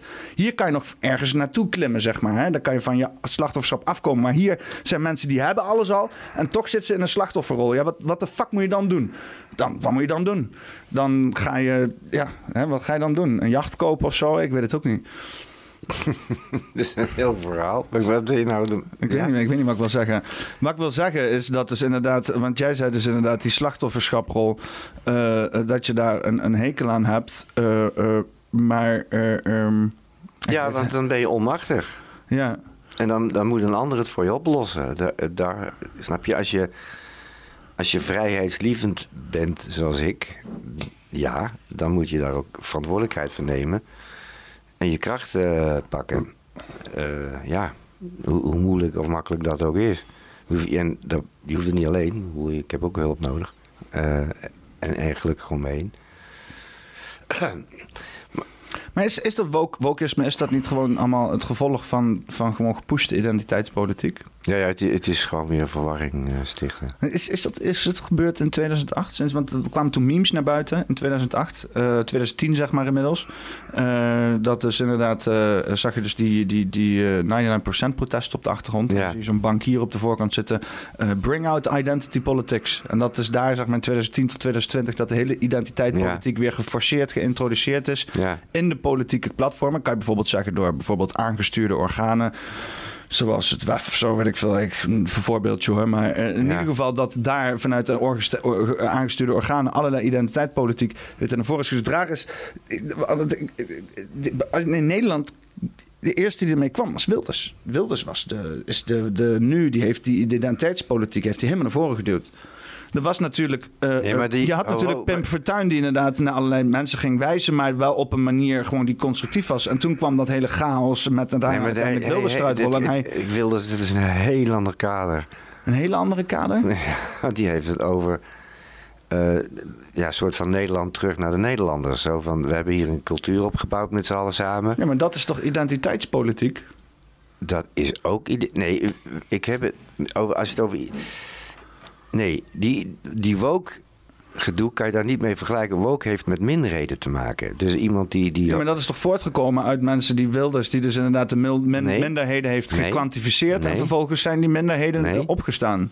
Nee, dat is een ander verhaal. Oh. Nee, eigenlijk, eigenlijk ben ik het zelfs in die zin met Wilders eens dat ik niet wil dat een minderheid iets aan de meerderheid oplegt. Want hij zag gewoon dat. Hij woonde toen op Kanaaleiland, eh, waar vooral Marokkaanse mensen woonden. En hij zag daar dat die Marokkaanse jongens, als je het over terroristen hebt, gewoon de boel terroriseerden, gewoon de dienst uitmaakten. En dan had hij van, oh. Maar de, snap je, waar is de Nederlandse identiteit gebleven? Eh, maar dat is heel. Snap je dan? Ik heb best wel een verknipt beeld van, van Wilders misschien. Of misschien heb ik precies gelijk. Het zou allemaal kunnen. Maar ik, ik heb zeg maar wel echt een soort van... Ik, heb niet, eh, ik, ik geloof niet dat hij een soort van echt is of zo.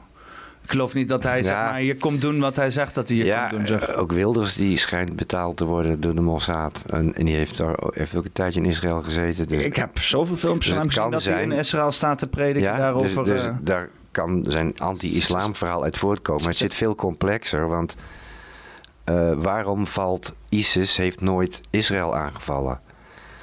ISIS is zelf door de Mossad betaald. De, de Saoedische en de Israëlische geheime dienst, dat is allemaal dezelfde pot nat. Ook nog een keer. Ik bedoel, het is... pff, ja, maar, maar nou, bedoel, nou moeten we over controlled opposition gaan praten. Want Nou, daar, dat wil ik wel eigenlijk. dat wil ik wel. Ik wil wel over control.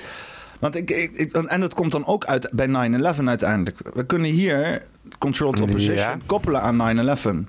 ja, daar, En daar- dan ondertussen nog een leuk tripje naar Israël maken. ja, dat is een mooi land hoor, overigens. Maar, Ja, ben je wel eens geweest? Ja, dat zeg ik. Ik heb er duizenden kilometers heen gereisd. Ja, er zijn weinig landen in de wereld die ik ken. Hoe is de sfeer daar? Vertel eens wat. De even- menselijke kant van Israël. Dat is heel lang geleden. Nou, de Israëliërs zijn net als de meeste mediterrane volkeren. Dat zei het ook gewoon. Vlees grillen. eh, eh, eh, Nee, maar ook het niet met elkaar eens zijn. nee, wacht even, want ik weet heel veel over, over eten. Ehm, vlees grillen aan een draaiend spit. eh, in plat brood doen. En vervolgens allerlei filodeeghapjes in honing draineren. Dat is wat ze doen daar, toch? En yoghurt vreten. Nou ja, ze, ik, Of zijn ze anders? Want ze zijn kosher daar, sommige. ja, nee, ze eten geen varkensvlees. Maar ja, kosher en halal is, is allemaal ook een beetje... hetzelfde. Het is allemaal... Ja. Dat is een beetje hetzelfde. Maar veel, veel, heb ik daar gelijk in qua eten?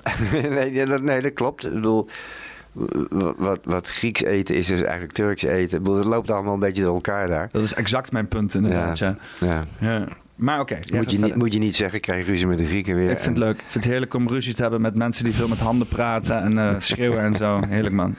Nee, maar zoveel, Malaka! zoveel, zoveel Israëliërs je hebt, zoveel politieke partijen heb je daar. Dus ze zijn het, het is nog erger dan Nederland. Ze zijn het allemaal per definitie niet met elkaar eens. Maar dat geldt ook voor Grieken. Of, Maar dat is toch het utopia of eigenlijk? Egyptenaren. Die vinden het heerlijk om te discussiëren. Als jij iets zegt, dan gaat per, per definitie een Griek of een Egyptenaar of een Israëliër zeggen: nee, is niet zo. Ja, want ik zou graag 150 verschillende eh, Kamerleden willen hebben. 100, weet je gewoon, gewoon 150 in de Tweede Kamer, Ja. 150 partijen. nou, je moet geen ideologische programma's hebben. Want dat is, bedoel, dan ben ik voorstander van 150 mensen. Ja, maar dan moet je gewoon. Maar het enige om dat te bewerkstelligen is gewoon het hanteren van een constante stroom van chaos. Want anders krijg je organisatie en dan gaat het samenklonteren. En Nee, we moeten überhaupt het hele... Ik geloof gewoon überhaupt niet in de politiek. eh, want, hoe zeg je dat? Ik heb, we hebben het er straks over gehad. Dat, het, dat wordt allemaal van bovenaf aangestuurd. Waar we heen moeten is dat we lokaal gaan werken. Hmm. En dat we, je kan ook in grotere communities wel, eh, laten we zeggen, besturen vormen kiezen. Maar dan moet je dat altijd ad hoc doen. Dus per onderwerp of tijdelijk. Of in ieder geval voorkomen dat er een, een partijpolitiek verhaal ontstaat... waar iedereen zich achter moet scharen... en niet meer geluisterd wordt en gekeken naar wat er werkelijk aan de hand is. Ja. Dus je moet überhaupt naar systemen waarin gewoon naar, naar mensen geluisterd wordt weer. Maar dan moet je dus eigenlijk dus zo lokaal mogelijk doen dan. Ja? Maar Als basis. En, want, want eh, zoals ik het ideaal in mijn hoofd heb, is dus iedereen kan hier lokaal met mensen die ze recht kunnen aankijken, bemoeien met allerlei beleid die eh, relevant is voor de plek waar zij wonen. En dan de optelsom daarvan, dat wordt dan een soort van nationaal beleid of zo. Maar ja. daar gaat dan uiteindelijk een keer, zou je zeggen, conflict in komen op een of andere manier. En dan krijg je toch weer een of andere nationale politiek, of, of in ieder geval politiek op hoger niveau, zou je zeggen. Ja, ja, ja ik, ik denk dat we in. Want je zou het allemaal wel kunnen programmeren. Hè? Zolang de stroom loopt en iedereen heeft een telefoon, dan zou je een app kunnen maken en de hele zooi werkbaar kunnen maken. Dat, dat geloof, daar geloof ik heilig in. Oh ja, dat, dat, je, dat je dus... Wij spreken dagelijks per issue eh, eh, referenda kan houden. En dan, dat je gewoon een profiel instelt met dingen wat jij belangrijk vindt. En daar Ja. krijg je gewoon pushmeldingen op. Zelfs als een nieuws en, en allemaal kots ontvangen van elkaars leven. Alleen dan gewoon over dingen waar we ja, dus daadwerkelijk dat invloed zou een mogelijkheid kunnen zijn. Ja. Maar alles anders dan wat, wat, wat, zoals het nu is. Alles anders dan dat het nu is. Ja, dat is. Dat was mijn punt laatst ook een beetje op een gegeven moment tegen iemand. Dat ik zeg van ja, ik zou graag willen een situatie bij echt het volk aan het woord is. Echt directe democratie. En ze zeggen ja, maar dat is wil toch niet wat je wil. En wat, wat als er dit gebeurt? Wat als er Ja. dat gebeurt? Ik zeg ja, alles wat slecht had kunnen gaan is in de geschiedenis van de mensheid allemaal al gebeurd. Het enige wat we nog niet hebben geprobeerd is iedereen gewoon absolute eh, eh, macht geven over zijn eigen beleid op een of andere manier. Hè? Want we hebben altijd in de geschiedenis wel iemand uitgesloten of iemand eh, Ja, ja, in de minderheid gesteld. Maar nu zouden we dus kunnen zeggen van iedereen is gelijk en dan kunnen allemaal participeren. Hè? En dan daarin zou je dan een of andere, eh, hoe noem je dat nou, eh, kan je nog status krijgen. Want je gaat ook mensen krijgen die zeggen van ja, laat hem maar beslissen, weet je wel. Maar dat zou kunnen. Nee, maar Dus vloeibare democratie leent zich daar heel mooi voor. Ja, en dan kan je wel degelijk ook leiderschap hebben, maar dat opnieuw, dat gaat een soort van projectmatig. Ik heb Ja, orga- organisch gewoon. organisch. Ik heb in Griekenland wel eens meegemaakt. Er was een.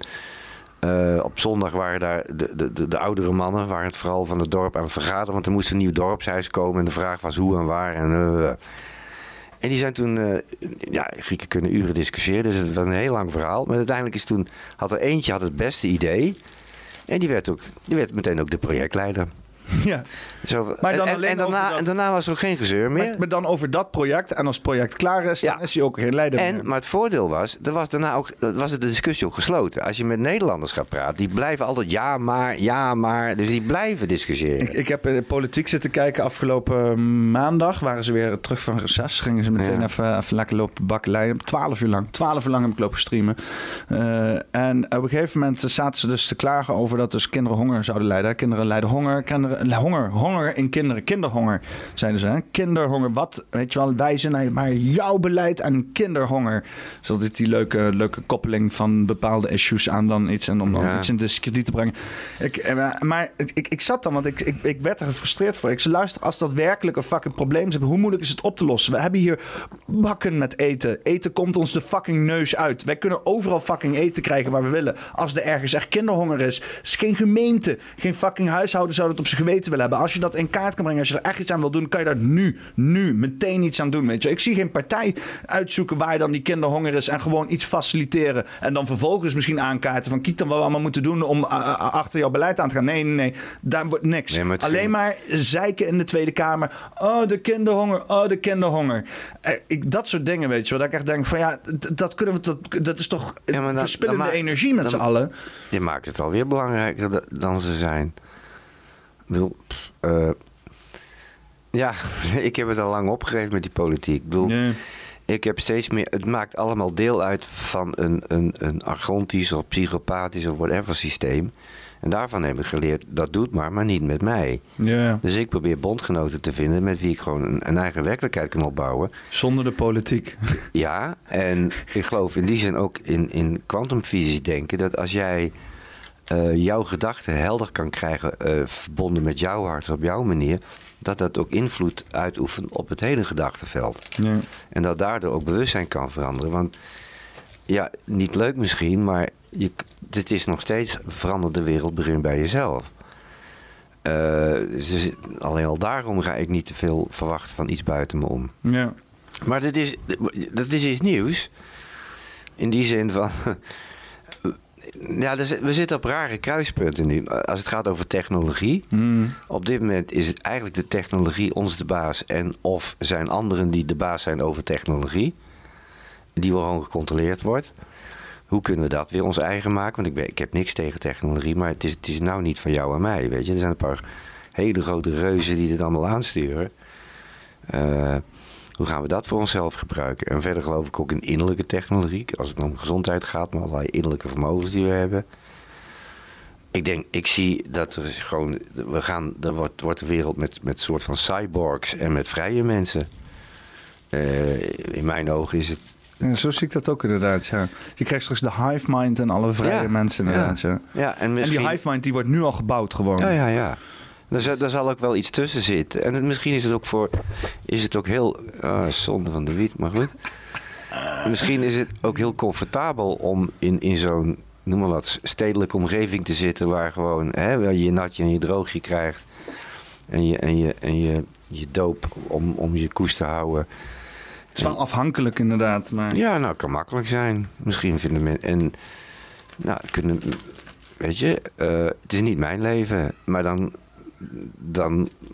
Als je contact met de natuur gaat zoeken. Want ik denk dat het grote probleem nu is. Dat we het contact met de natuur kwijt zijn. Die we ook zelf zijn trouwens. Dat de natuur alles anders te bieden heeft. Alles. Maar de natuur heeft zo zijn grillen. De natuur is inderdaad een niet te controleren iets. De natuur is iets waar je mee mag samenwerken. En dan biedt hij ongelooflijk veel, overvloed zelfs. Maar ja, hij is niet te controleren. En dat is wat we al duizend jaren proberen. Wat ons verteld wordt, dat wij de baas... Wij moeten de dieren en de planten domesticeren. Wij moeten ze dus in hokjes zetten. We moeten de... Zoals landbouw ook ontstaan. Terwijl ik ben van, eh, laat het allemaal groeien en bloeien. Maak er contact mee en het, het geeft jou van alles terug. Ja. Hij- En daar kan je ook technologie bij gebruiken verder. Hè? Snap je? Dus, dus daar is niks mis mee. Met veredelen en whatever. Wat kan je allemaal met natuur? Eh, of communicatie. eh, nou ja. Ja, maar nu tegenwoordig willen ze gewoon alleen maar dat jij hè, een waarde smeet en daaronder blijft. En dan zijn ze bureaucratisch helemaal tevreden. ja, wat is waarde? Ja, nou ja, die, die, met die hele, ja, je, ja, ga ik het toch politiek maken misschien. Niet de hele stikstofcrisis, zeg maar. Oh ja. Dus inderdaad dan eh, boeren.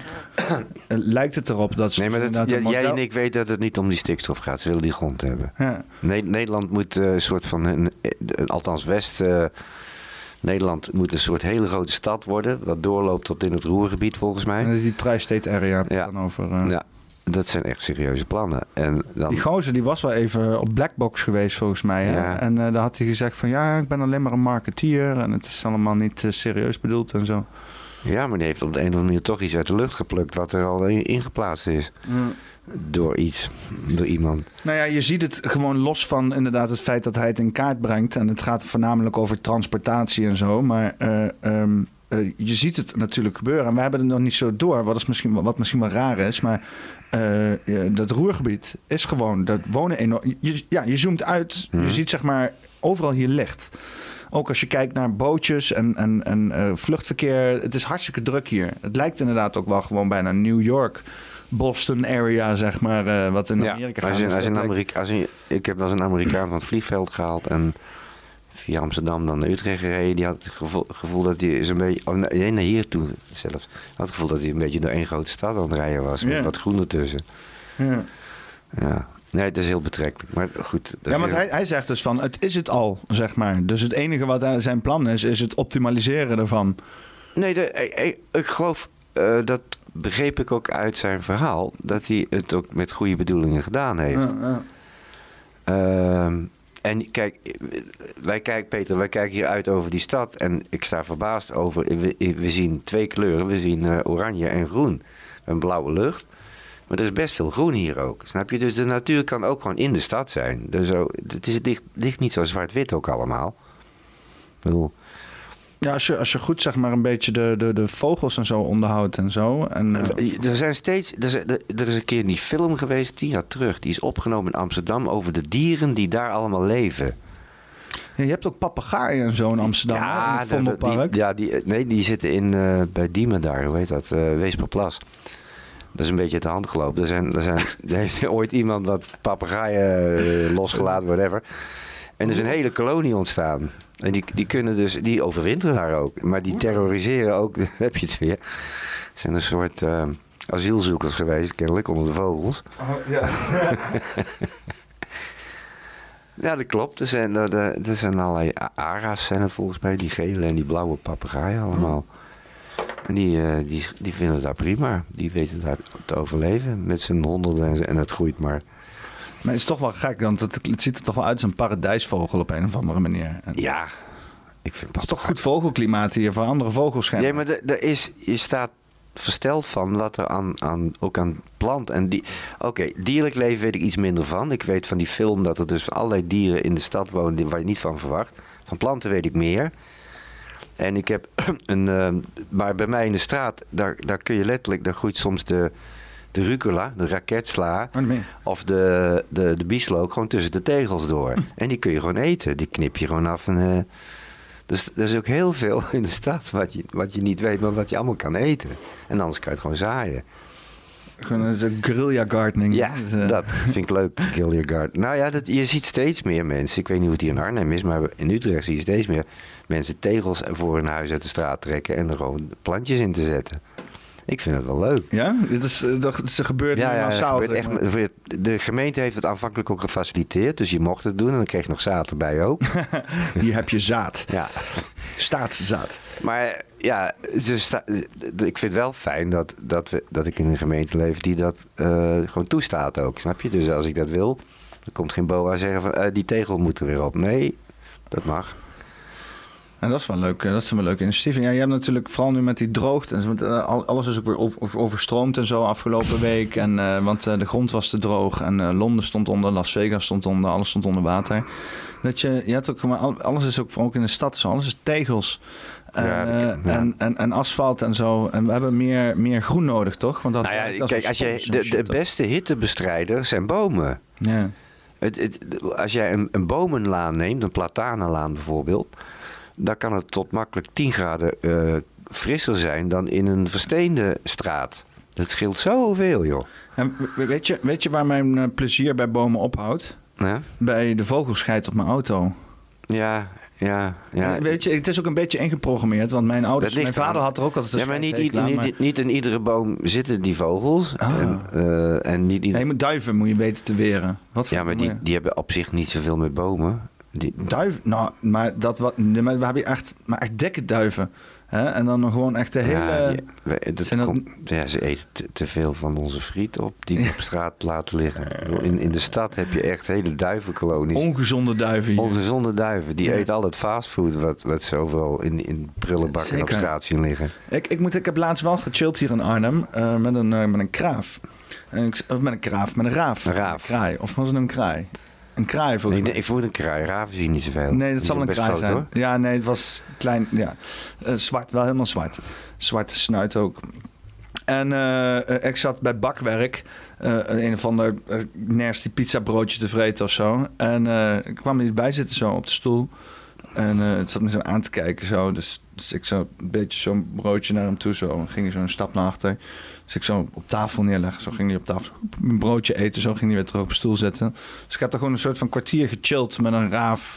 En gewoon en een beetje broodje gevoerd hier en daar. Maar ja, ik dacht ook van, het is leuk van me. En dan kan ik leuk chillen en zo. Maar dit, is niet gezond of zo. Die raaf, weet ik niet. Denk je? Laat het maar aan die raaf over. Die weet het, zelf, die weet het beter dan jij. Ja, dat is het wel. Dat is ook een beetje dat vertrouwen daar hebben gewoon in. Nee, maar er is. eh, nee, ik zie wel een splitsing ontstaan tussen mensen die dus eh, eh, afhankelijk zijn in hun leven van, van externe factoren, of het nou inentingen zijn of, of whatever. En mensen die het meer uit zichzelf zoeken en zich ook meer. Snap je, externe technologie en, en interne technologie, zo kan je het ook zeggen. Ik bedoel, je immuunsysteem, dat is interne technologie. Ja.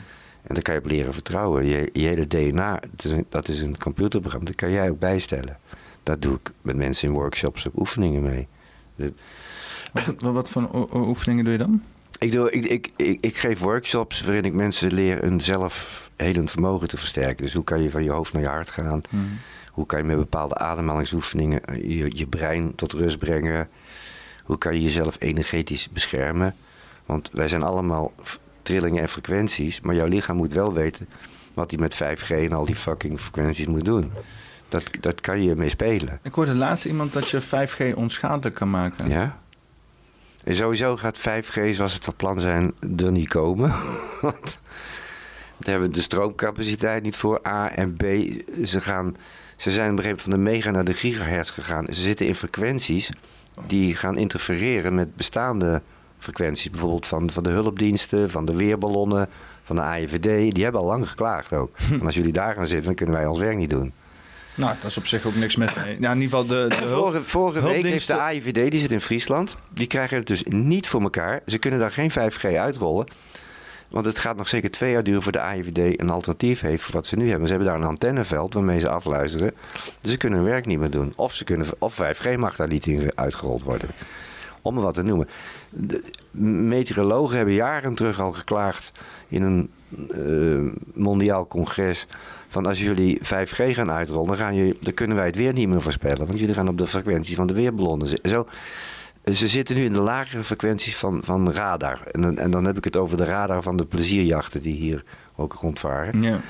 Maar ah, snap je, als je in die hogere frequenties, die, die, zijn, die zijn al vergeven. En dat gaat echt met elkaar storen, gaat interfereren. Dus dan krijg je. En we hebben al veel, last, veel langer last, of nou last laat ik niet zo zeggen. We worden al veel langer, zijn er allerlei 5G of dat soort. Nee, die, die type- experimenten die vinden al plaats. Ik bedoel, Apeldoorn was het van plan, er is een beetje een stokje voor gestoken. Maar in, in de binnenstad van Eindhoven, er zijn er bepaalde locaties. In, Mi- in, microgolven en zo, toch? Dat is in het rijk van de Nou, je gaat de kant op van eh, inderdaad van wat, wat de Belgen inderdaad een, een micro-oven noemen, wat wij een magnetron noemen. Ja. Eh, ja, want het idee achter die hele 5G is dat je dan zo'n zendmast hebt en die doet dan één zo'n microgolf sturen naar precies de persoon, zo in een beam, Ja. naar, om zo Ja. van hier heb jij veel internetrecht op, jou, op je telefoon Ja. zo, of op je hoofd, of misschien ergens ertussenin of zo. ja. Zo, pssst. Dat is, eh, dat is het internet. idee van die 5G, eh 50 ja, maar je stuurt dus van alles mee. Wat, wat nog meer? het, wij, wat ik al zei, wij zijn trilling, we zijn frequentie. Ja, ja. Rudolf Steiner heeft die, van de antroposofie die heeft ook een keer gezegd van... Je weet dat na de Eerste Wereldoorlog hadden we de, Sp- wat dan genoemd werd de Spaanse griep. Ik bedoel, COVID-19 kan je dan de Chinese griep noemen, maar dat is niet politiek correct. Dus dat werd toen gewoon, kreeg een andere naam. China virus. Eigenlijk is het gewoon de Chinese griep geweest. De Wuhan-vloed.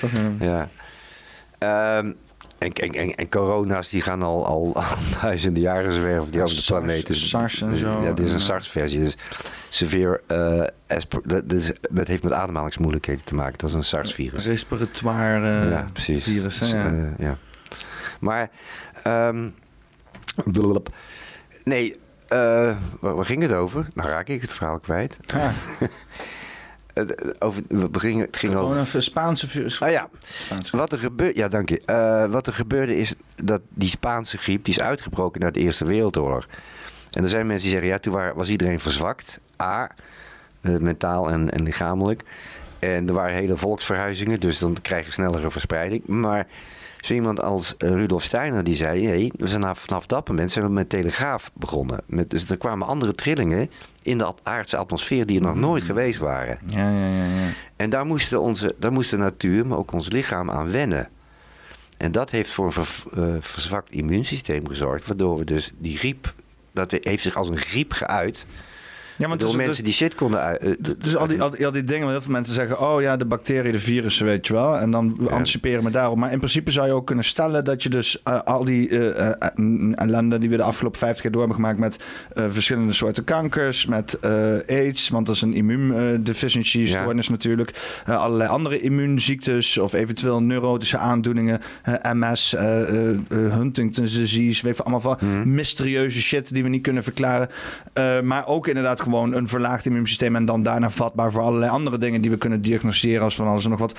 Dat dat allemaal een gevolg kan zijn van dus inderdaad het constant maar opvoeren en het opfokken van ons energetisch veld om ons heen door allerlei uh, ja, kunstmatige communicatie daarin uh, te faciliteren. Het moet wel meespelen. Wifi is niet gezond. Ik, er, er zijn mensen die daar super gevoelig voor zijn, hypergevoelig.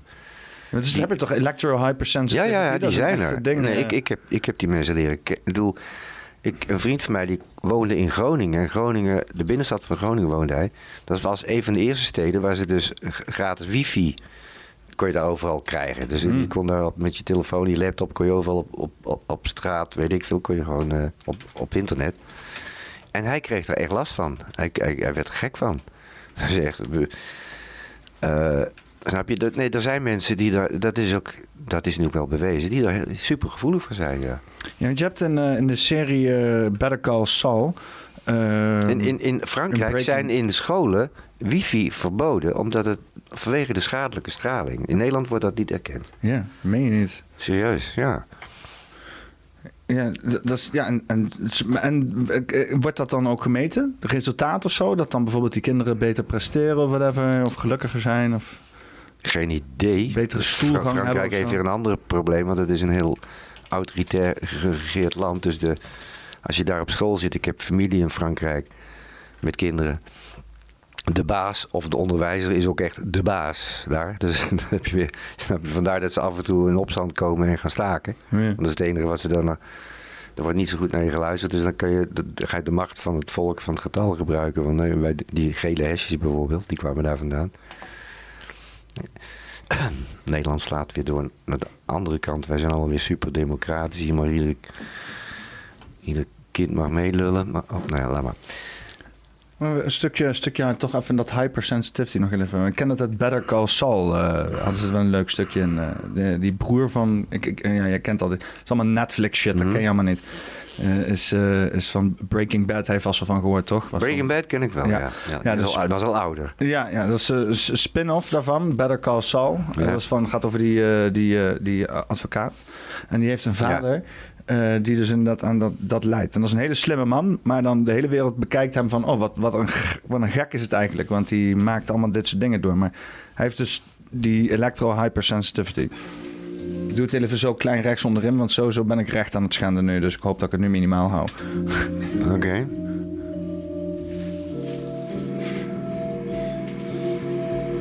Nou ja, hij heeft er echt last van.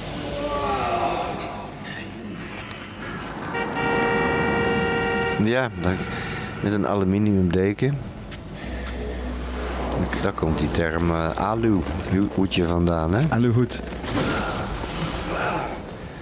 Nee, die, die vriend van mij in Groningen had ook. Hebben ze al met aluminiumfolie tegen de muren gaan plakken.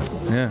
Ja, want hij, hij, heeft in die serie ook zijn hele huis helemaal met uh, ja. halve Faraday cage aan aluminiumfolie ja. uh, ingericht. Ja, er is inmiddels ook verf voor, hè? Maar, uh, er is verf te krijgen, die is heel duur. Met metaal erin of aluminium. En dan krijg je een soort. Maar kooi van, Far kooi van Faraday is het niet. Maar. Oké, ja, triest voor zo'n man. Nou ja, ja, het is natuurlijk gewoon hè, acteren. had je niet echt iemand kunnen vinden die echt elektromagnetische had? Ja. Dat is de wereld dan in even. Ja, ja. Maar nee, ja, maar ik, ik, ik, vond het wel grappig, want ik had het gezien. En ik, ik denk van, is dat echt een ding? Dus ik heb het opgezocht en mensen hebben hier echt last van. En vanuit daar ben ik dus inderdaad wat meer bewust geworden over mijn... Uh, uh, eh, eh, eh, ik ben toen ook wat kritisch gaan kijken naar mijn, naar mijn modem. En naar mijn, weet je wel, ik probeer het liefst allemaal met alles Met kabels, kabels, te doen. ja. Maar ja, Ja. met die telefoons kom je er ook allemaal niet meer onderuit en zo. Dus eh, eh, ik had bijvoorbeeld een, eh, een, een, een vader van een, van een ex van mij, die had zijn modem op hoogste frequentie staan. Aan het eind van de buurt kon je nog zijn wifi-signaal ontvangen. Hij was er trots op. Ik denk, ja, dat is dan precies wat je niet wil, weet Ja. je wel. Je wil hem juist zo laag mogelijk hebben. En eh, eh, ja, het, ik, ik, ik, ik, het, het, is, het, is ook wel iets. Het is ook wel iets dat je denkt van je kan jezelf wel echt opnaaien. Ik heb wel eens momenten gehad dat ik denk van volgens mij zit ik mezelf nog gek te maken. Want dan ik daar echt met hoofdpijn lig of dingen. En dat ik dan. nou ja, ik, ik heb er zelf wel last van gehad hoor. Dat ik in, in bed, een soort, als een bed lag, dat ik echt spanning voelde. Ja, ja maar dat wat heb ik wat al helpt is... dat kijk, het magnesium in je lichaam wordt afgebroken. We hebben allemaal magnesiumtekort. Dus extra magnesiumgebruik kan geen kwaad. Waar haal je het uit? Bananen en shit. Bananen, dat- daar zit tryptofaan in. Dat is, daar zit ook magnesium in. In chocola zit het ook in, klopt. Eh, meestal mensen... Ik had magnesium had met het klimmen, zeg maar, voor de droge handjes. Ja, Ja, daar heb je... dat is magnesiumpoeder. ja, ja, toch?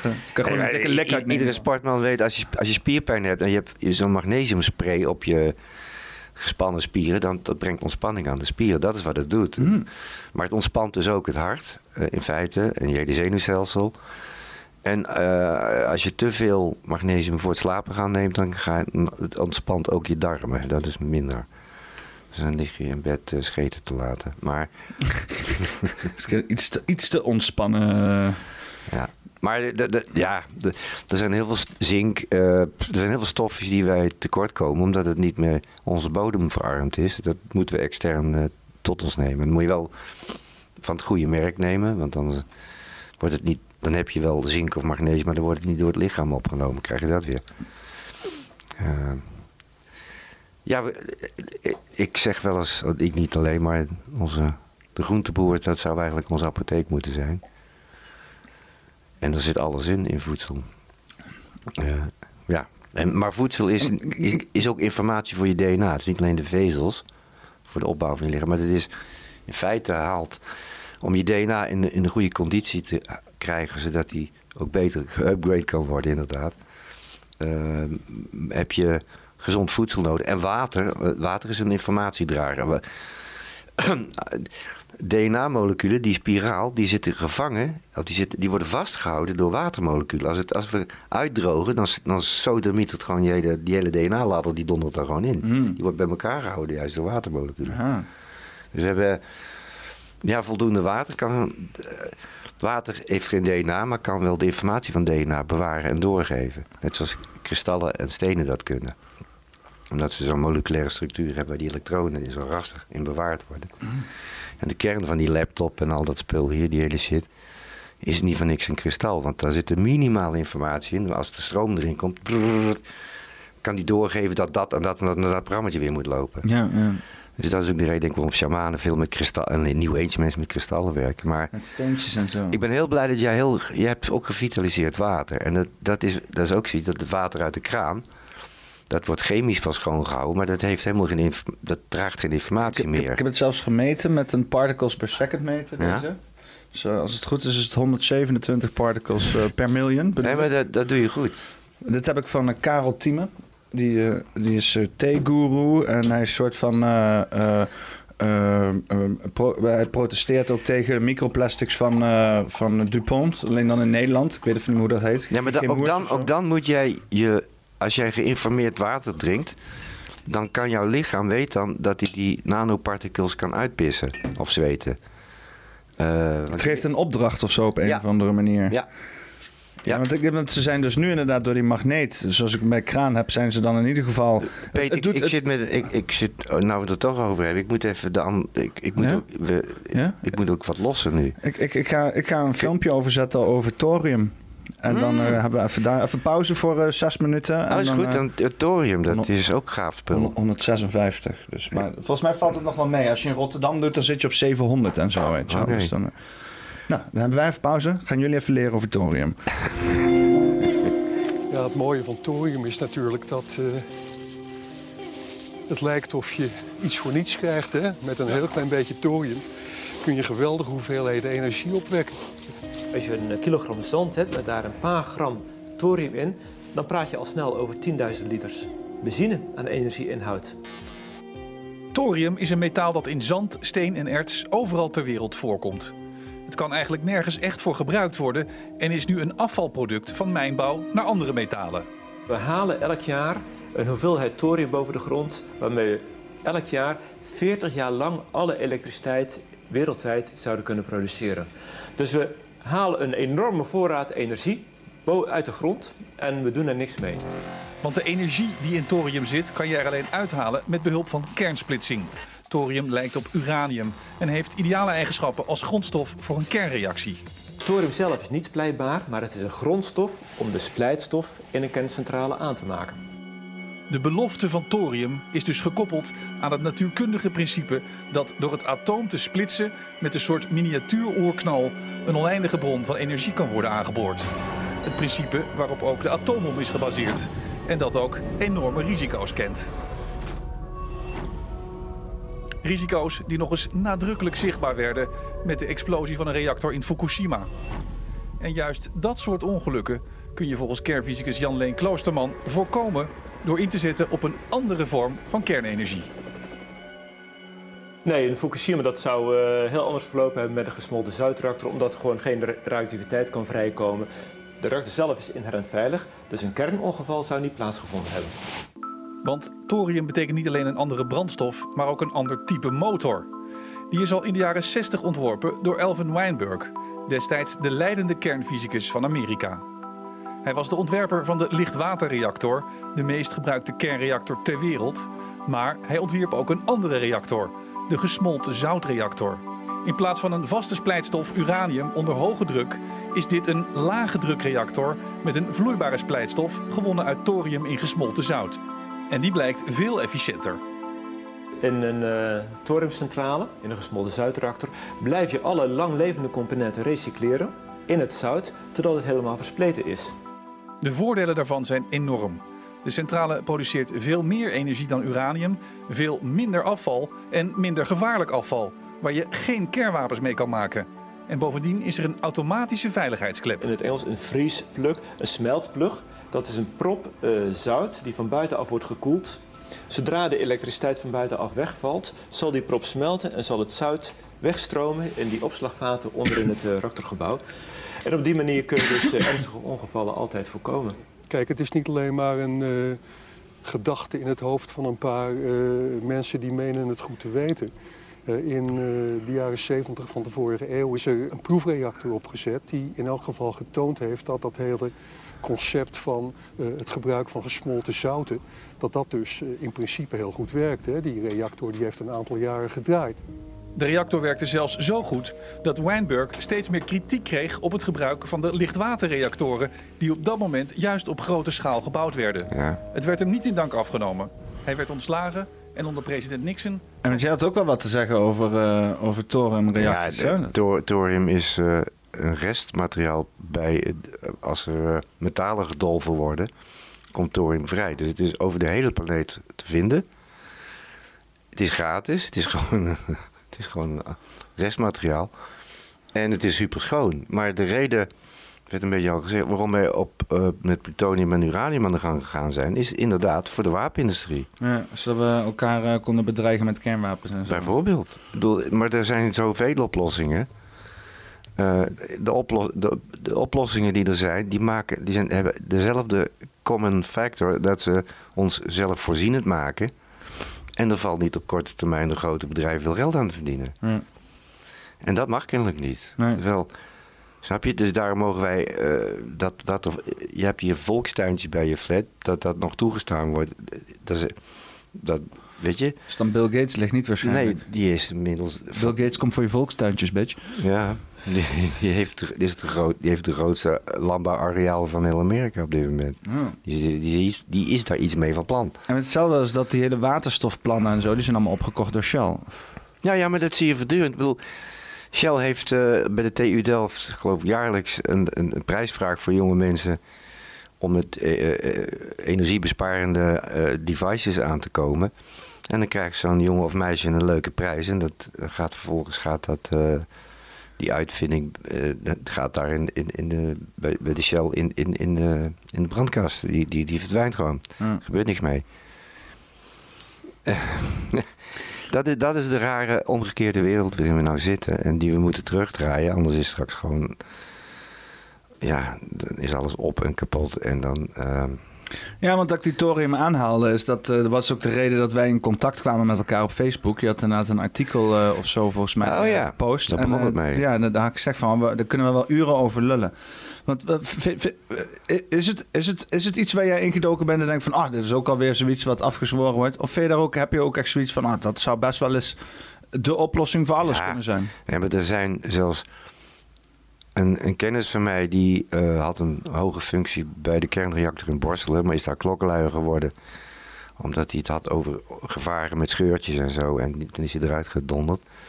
Die heeft me heel veel verteld over kernenergie. En ook dat bijvoorbeeld de Russen al iets gevonden hebben door ze zelfs kernafval kunnen recycleren. En hij wees me ook op het thoriumverhaal. Snap je van. Want je kan, daar, je kan daar uranium en zo, ook gewapend eh, materiaal en kernkoppen, zou je daarin kunnen gooien als, eh, als eh, brandstof in thoriumreactors. Dat is zoals ik het begrepen heb. K- kan allemaal. Maar kijk, uranium is niet alleen voor atoomwapens. En, en, en verrijkt uranium is dan plutonium, geloof ik. Het wordt ook gebruikt voor, omdat het heel zware metalen zijn, voor, eh weet het, voor, voor raket, nee, granaten en tanks te, te beschermen. Oh. Maar het geeft wel straling. In, in Irak hebben ze er flink mee oorlog gevoerd. En die straling komt nog steeds vrij. En er, zijn nog steeds veel mensen die daar kanker krijgen. Maar ook onder Amerikaanse militairen die ermee te maken hebben gehad. Ja, weet je. En want dan kom je ook bij Tesla terecht. Van, die had een systeem waarbij draadloze energieoverdracht plaatsvond. En JP Morgan, die bankier, een Rothschild, haha, die... ehm, toen hij daarachter kwam, dacht hij, ja, maar dan wordt mijn hele eh elekt- weet je, al mijn kabels worden waardeloos. Want die had gewoon geïnvesteerd in, in de bekabelen van Amerika op dat moment. Dat is wat er telkens gebeurt. Als iemand een, een uitvinding doet die echt helpt. Ja, voor het collectief belang Ja, wordt dat gekaapt voor een of ander individu. er eh, zijn die- zoveel oplossingen. Eh, Tot en met het stikstofvraag. Er worden ook problemen gecreëerd die er niet zijn. Problem, reaction, solution, dat verhaal. Weet je, dus, eh, dat hele genderverhaal tot en met stikstof. Tot, je, kan al, je kan alles wel noemen. Wat, eh, dat zijn allemaal gemaakte problemen waar, waar dan de regeringen weer gemaakte oplossingen mee kunnen. Ja, want het stomme is als je zeg maar, want eh, ja, of je nou klimaatverandering, of dat nou mensen keert of niet, klimaat verandert nou eenmaal, dat doet het sowieso. Maar Ja. of het nou een beetje snel is of niet, dat is, kan, is, te- is, kan gewoon gemeten worden en gewoon feitelijk bepaald worden. Maar dan ontkom je nog niet aan het feit dat je daar dan mee moet dealen met whatever de fuck van verandering naar gaande is. Weet je, mensen zijn nu in de waan dat ze allerlei dingen kunnen stoppen. Eh, er- er- Ja, dat is dat controle-idee weer. ja, maar er is maar niemand die gaat dan gewoon zichzelf prepareren op een wereld waarbij we dus inderdaad gewoon eh, bijvoorbeeld oneindig veel energie nodig hebben, zo, zodat we kunnen ontzilten als we weer, weet ik veel, weinig water uit de fucking, weet je, want dan krijgen ze dus allerlei verkeer. Weet je, want we hadden het over die gozer met die solarstorm en zo en hij Ja. wijst de hele tijd op allerlei gigantische kosmische dingen die er gaande zijn, Ja. die dan inderdaad parallel te trekken zijn met bijvoorbeeld vulkaanuitbarstingen, aardbevingen, maar ook bepaalde stormen en zo. En we hebben deze week hebben we dus inderdaad bijvoorbeeld een solarstorm gehad, maar ook bijvoorbeeld allerlei ehm, ehm, ehm, overstromingen. Wat ik me kan voorstellen als de hele lucht in één keer geladen is door allerlei krachten van de zon, dat ook bijvoorbeeld wolken die al heel erg losjes in elkaar zitten, in één keer uitbarsten. Ja, maar je ziet- je, gewoon ziet- een zooi water. En dan doen we dat van, oh dat is omdat hier een fabriek staat. Nee, dat komt omdat er nog veel grotere Ja, bewegingen Wij, gaande wij zijn. kunnen lokaal het weer manipuleren, maar het klimaat is onzin. Het, voor de helderheid, het klimaat in alle, op alle planeten in ons zonnestelsel is op dit moment de kluts kwijt. Er zijn stormen op Jupiter en op Neptunus waargenomen. Sorry, op ja, waargenomen. Die, die hadden ze nog nooit gezien. Daar is ook van alles bezig met. En de ijskappen op Mars zijn ook aan het, de noordelijke ijskap is daar ook aan het smelten. Maar ze hebben daar geen auto's bij mij meten. Ja, Dus hoe zit dat? ja. Hoe willen ze ons trouwens allemaal aan elektrische auto's helpen? Daar hebben we de grondstoffen niet voor. El- Elektrische auto's eh, gemaakt op batterijen, eh, gemijnd eh, van lithiummijnen, Ja. gemaakt door kleine kinderslaafjes in Ja. Afrika. Dus het is, Rij het rij is- dan met je deugneus door de stad heen. Ach, oh, ik ben zo goed bezig. Ach ja. Ja.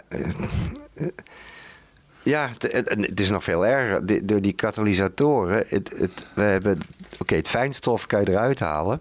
Maar de- ons lichaam weet raad met fijnstof. Dat heb je ook als je fikkie stookt, weet je wel, bij een kampvuurtje. Dan krijg je die, die zwarte, dan hoest je dat gewoon uit. Maar ultrafijnstof kunnen Dat gaat door je cellen heen. En je kan wel super sterke eh, eh, katalysatoren maken voor benzineauto's. Maar dan krijg je ultrafijnstof. Dat is pas rotzooi. Die diesels zijn in die zin veel beter. En ze gaan langer mee. Ook zoiets. Hè? Dieselmotoren, die, eh, daar kan je honderdduizenden kilometers mee rijden. Eh, Ga dat ook even uitrekenen, wat dat aan vervuiling scheelt. Ja, ja, die auto's tegenwoordig die gaan eh, tien jaar mee of zo. Zo ze met alles Ja, en dan- gaat zo ze maar een beperkte tijd mee en dan is het allemaal weer afval. En al die elektronica, die, die, al, die Duitse auto's zitten al jaren elektronica. En daar wordt in- vanaf de fabriek in, ik geloof Nuremberg, waar staat het? Witte, nee, waar, waar, waar weet het, Porsche en Volkswagen en zo gemaakt worden. Is het, eh, Het wordt vanaf de fabriek in de gaten gehouden of, of jouw Mercedes weer een beurt nodig heeft. ik, ben, ik, ben, ik ben daar geweest. Dat is toch zo'n, eh, die, dat hele, hele, die hele stad is één grote Ja. autofabriek. eh. Ja, ja. Wo- Wolfsburg. Volgens mij is Wolfsburg. eh, achter in Duitsland, toch? Is dat niet Nee, in het Leipzig? zuiden. eh? Nee, in het zuiden, in het zuiden. Niet achterin, in het zuiden. Volgens mij is Wolfsburg. Het moet dan in eh Beieren liggen. Eh, Ja. ja, mm. Nou, Oké. Het is toch het zuiden, of niet? Ja, dat is het zuiden. Ik zie geen Ja. Wolfsburg daar. Waar is het dan gebleven? Is dat zo klein? Ja, misschien wel. Ah, hier, is iets met Wolfs. Misschien is het wel één grote stad. Die, één grote fabriek die stad. Hoe heet het dan? Wolfsburg. Wol... Wolfsburg. Wolf. Dat is ook weer zoiets, hè? Wolfs. Burg. En die Duitse auto-industrie, oh, dat ligt hier, maar dat ligt, eh, oh. Ja, dat ligt bij, eh, wat is het? Oh ja, dat is Wolfsburg. Ja, ja. Hannover. Oh, daar ligt, oh, dan ligt het heel ergens anders. Ja, maar, oh nee. Je hebt gelijk. Dan, Ja. dan ligt het inderdaad in het oosten. Oké.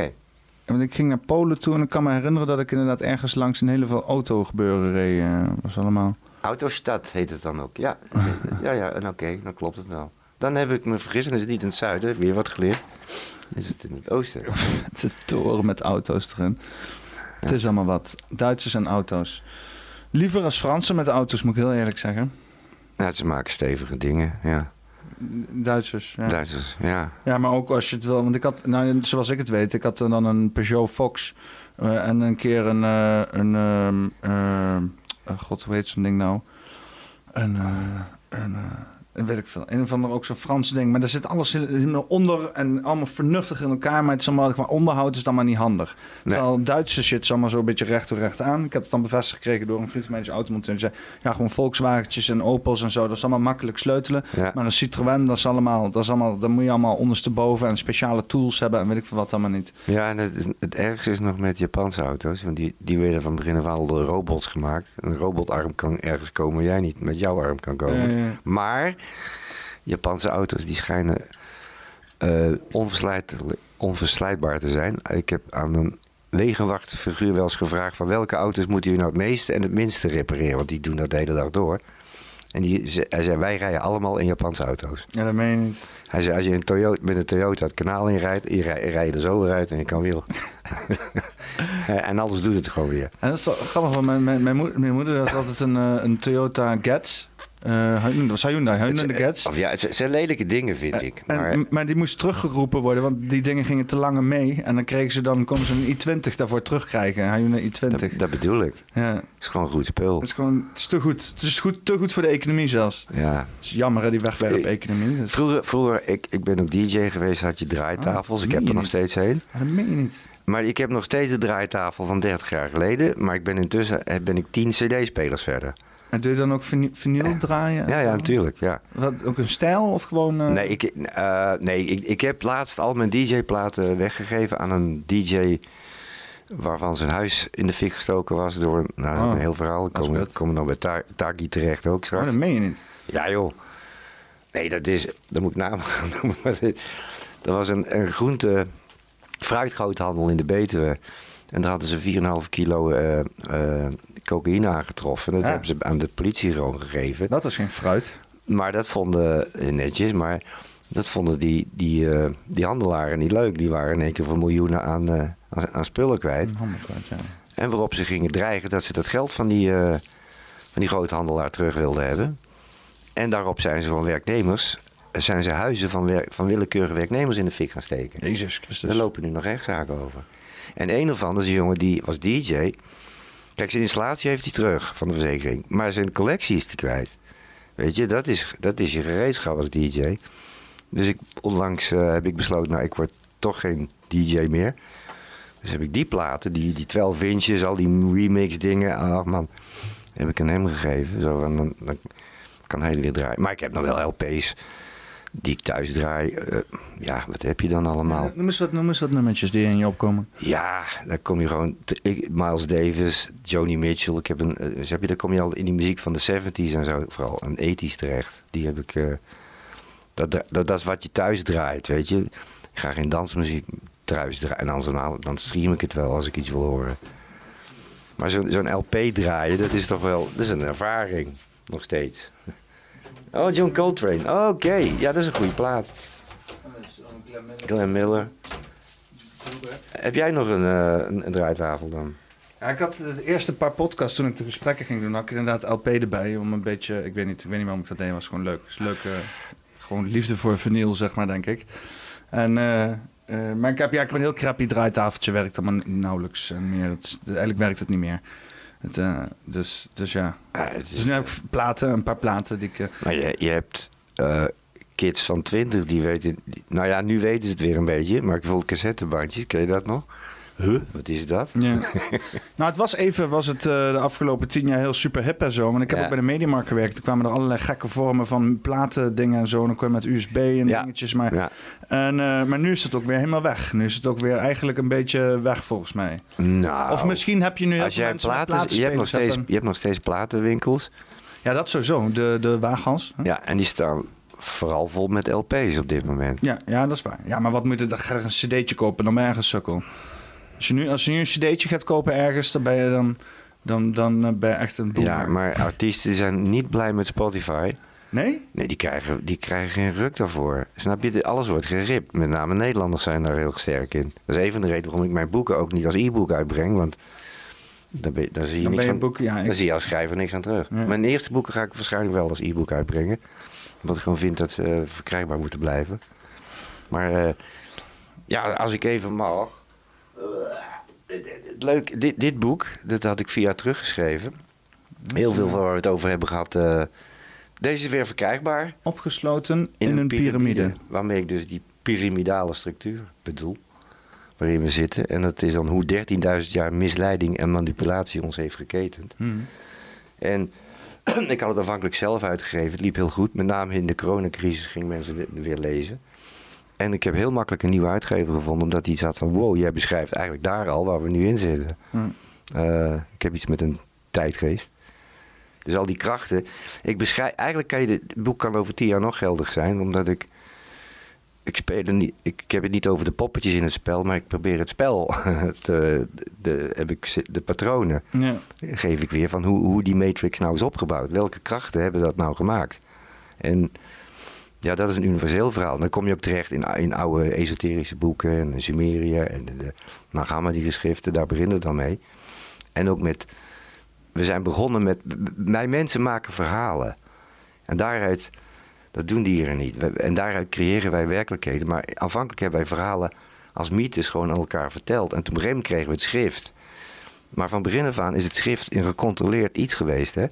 Het is, social media worden al 5000 jaar hebben het schrift, maar social media worden al 5000 jaar van bovenaf gecontroleerd. Schrift is ook vaak als gevaarlijk eh, beschouwd, toch? Ja, eh, boekverbranding, maar je hebt ook in de middeleeuwen hebben duizend jaar had alleen de monniken het konden lezen. De, de, de, brand van Alexandrië, die bibliotheek. Ja, die bibliotheek hebben waarschijnlijk hebben de, de Romeinen dat in de fik gestoken. Maar die Romeinen was ook geen zuiver volk. Althans, die machthebbers daar. Dat waren typische ja, cop- copy-paste culture. Die, al, die jatten alles en dan maakten ze het na.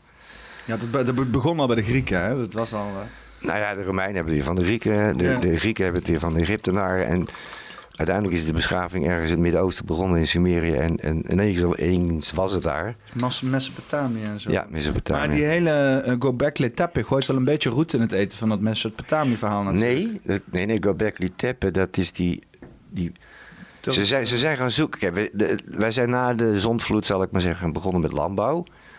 Eh daar zijn we dus eigenlijk planten gevangen gaan zetten. Eh, zo, eh, wij, Ja. En, Zijn we gaan con- het controleren van onze omgeving? ja, maar kijk, voordeel van, van Kijk, wij kunnen niet eens granen eten. Hè. Ik bedoel, granen zijn gecultiveerde grassen. Wij kunnen geen gras eten. Dus we moeten het cultiveren. We moeten het hè, soort van veredelen. En dan kunnen we het nog niet eten, want dan moeten we het bakken of koken. Weet je wel, rijst en brood en zo. Maar het voordeel van granen is dat je kan bewaren. Je kan voorraden opbouwen. Dus je kan... En normaal, de jager-verzamelaar die, die loopt door de natuur en die pakt een besje en die schiet een zwijn en weet je zo, die moet maar afwachten wat hij krijgt. Maar vertrouwt daar ook op. en landbouw is gewoon gecontroleerd voedsel eh, verbouwen. En wat landbouwers ook deden is landjepik. Dus die gaan dat dan afbakenen. En dan krijg je allemaal regels en wetten. Je krijgt ruzie met elkaar daarover. En van wie is het land? Voor natuurvolkeren is het land van iedereen. Dat, gedoe is allemaal 13.000 Rubbron. En nou is het- dat wil ik wel even vertellen over Göbekli Tepe. De oudste graan hebben ze aangetroffen in, eh, in de buurt van de stad Sanlufa. Dat is in Turkije aan de grens met Syrië. En dat was een Duitse archeoloog, meneer Schmid, die, ging, die zag daar heuvels en die zei: Wow, dat is kunstmatig. Die ging graven en zo kwamen ze die tempel tegen. Die zat eronder. Wat nou blijkt, ze dachten altijd, omdat wij landbouw gingen plegen, dat daardoor mensen bij elkaar konden komen en steden gingen ontstaan. Het is andersom. Overal waar landbouw ontstond, was eerst een tempel. En in die tempel van Göbekli Tepe, daar wordt het beeld ge- gebracht juist van... Dus dat wij de baas zijn over de dieren, maar dat boven ons een andere baas staat, de goden. Dus dat hele concept van die autoriteit van boven uit een andere werkelijkheid, dat is daar al geplant. Dus het is, het is echt een, een, een, ja, een soort mindfuck die toen al begonnen is, al 13.000 jaar terug. Eh, en dat is Gobek, van Gobekli Tepe wordt gezegd dat het het oudste bouwwerk op aarde is. Maar daar heb ik het wel eens met Dino ook over gehad. Van, ja, weet je, eh, de, de, de, de piramides van Bosnië of die van Egypte zijn waarschijnlijk veel ouder. En in China vind je ook eh, veel oudere piramides. Maar dan kom je weer daar terecht. Zo van, ik denk dat, dat er al heel lang geleden ook al beschavingen hier waren. En de piramides van China, daar mogen we ook niet bij, hè? Dat is, Nee, nee, is heel bizar. Er zijn geen Google-foto's van te vinden. Chinees staatsgeheim is De, dat. de grote witte piramide, die is niet zo ver van Beijing vandaan. Ligt een kilometer of 30 ten oosten ervan. En dan gaan... eh, ja, maar daar, daar zijn wel foto's van, van het zijaanzicht, maar van bovenaf niet. Probeer Google Earth, maar je vindt er geen foto's van. Bizar. Het ligt in Beijing? Great White Pyramid zou ik intikken en dan eh, China. Kijk maar waar je uitkomt. Misschien mag ik ertussen wel, maar ik, ik heb er een heel boek over, maar daar waren geen foto's van te vinden. Ga je, ga je nu kijken bij Google Earth of Google Maps? Great White Pyramid. In, Ja. in Google Maps inderdaad, ja. Nou ja, ik kreeg er hier sowieso niks. eh, maar jij zegt het, het ligt eh, Beijing. Ja, buurt van Beijing. Maar ja, dan moet je, dan moet je die hele omgeving gaan af. eh, Ja, dat is natuurlijk, dat is natuurlijk niet te doen. Nordic New, ik weet niet wat ik nou krijg. Zoetermeer. Ja, ja. Nee, dat moet er niet zijn. Ja, maar, dat is dus, maar jij zegt het heeft sowieso geen nut om vanaf bovenaf te zoeken. Want Nou, ik heb heel veel eh, Google Earth foto's van piramides in Egypte. Die, er echt, echt, die zijn er echt. China heeft meer piramides dan, dan, heel, dan heel Egypte. dat meen je niet. Ja, Is het, het hele land zit gewoon vol met piramides. tientallen. Ja. Kom maar, op, op, op, op, is dat het makkelijk vinden. En dan, maar ja, ik denk dat ik gewoon Chinese pyramid en moet Chinese pyramid. En een pyramid schrijf je dan weer met een Y. Ja, oké. Ja, ja, ja. In ieder geval. Ja, daar heb je zo. Ja, kijk eens, wat een verzameling. Nou ja, het is niet, dit is geen Chinese, Nee. volgens mij. Die ook niet, dat is Teotihuacan bij Mexico City. Die zou wel Chinees kunnen zijn. Ja, Ja, gekke dingen inderdaad. Ja je hebt er daar veel meer dan, eh, dan je zou denken. Ik doe altijd de podcast afsluiten met het verzinnen van een titel. Aha, Gewoon eh, zo eh, ter plekke. Zo, voor deze, deze uitzending. ja, voor, voor alles wat we in de afgelopen twee uur besproken hebben. Oeps, dat ging. Ja, je bent nog net zo erg als ik. Het gaat alle kanten op bij jou. Eclectisch heet dat. In, in brede belangstelling. Ja, Ja, je zou het eh, de Chinese piramide kunnen noemen. We hebben het over China, we hebben het over piramidestructuur. Oké. ehm, We hebben het alleen inderdaad eh, twee uur lang niet over piramides tot alleen de laatste vijf minuten. Dus, nee, ja, dat is de afsluiter, hè, de climax. De... Ja, nee, dit boek gaat inderdaad over de, de piramidale structuur waarin we zitten. opgesloten in een piramide. En ik ben blij dat het weer, weer verkrijgbaar is. Dus dat, dat eh, ja, ik ben al met een vervolg bezig. Misschien eh, moeten we het eh, piramides en Peters noemen. Pe- Peter en piramide. P, P en P zijn wij natuurlijk wel, hè? De, de, de- ja, de drie P's of zo. Peter en Peter en piramides. De piramide van Peter en Peter. Hoe vind je die dan? Ik zou zeggen Peters en piramides met Peter Tonen. Ja, ook veel Peter erin. Ja, Peter kan je het niet hebben. Eh, Peter kan je het niet hebben. Ik vind dat ook wel een goeie eigenlijk. Peter kan je het niet hebben met Peter Tonen.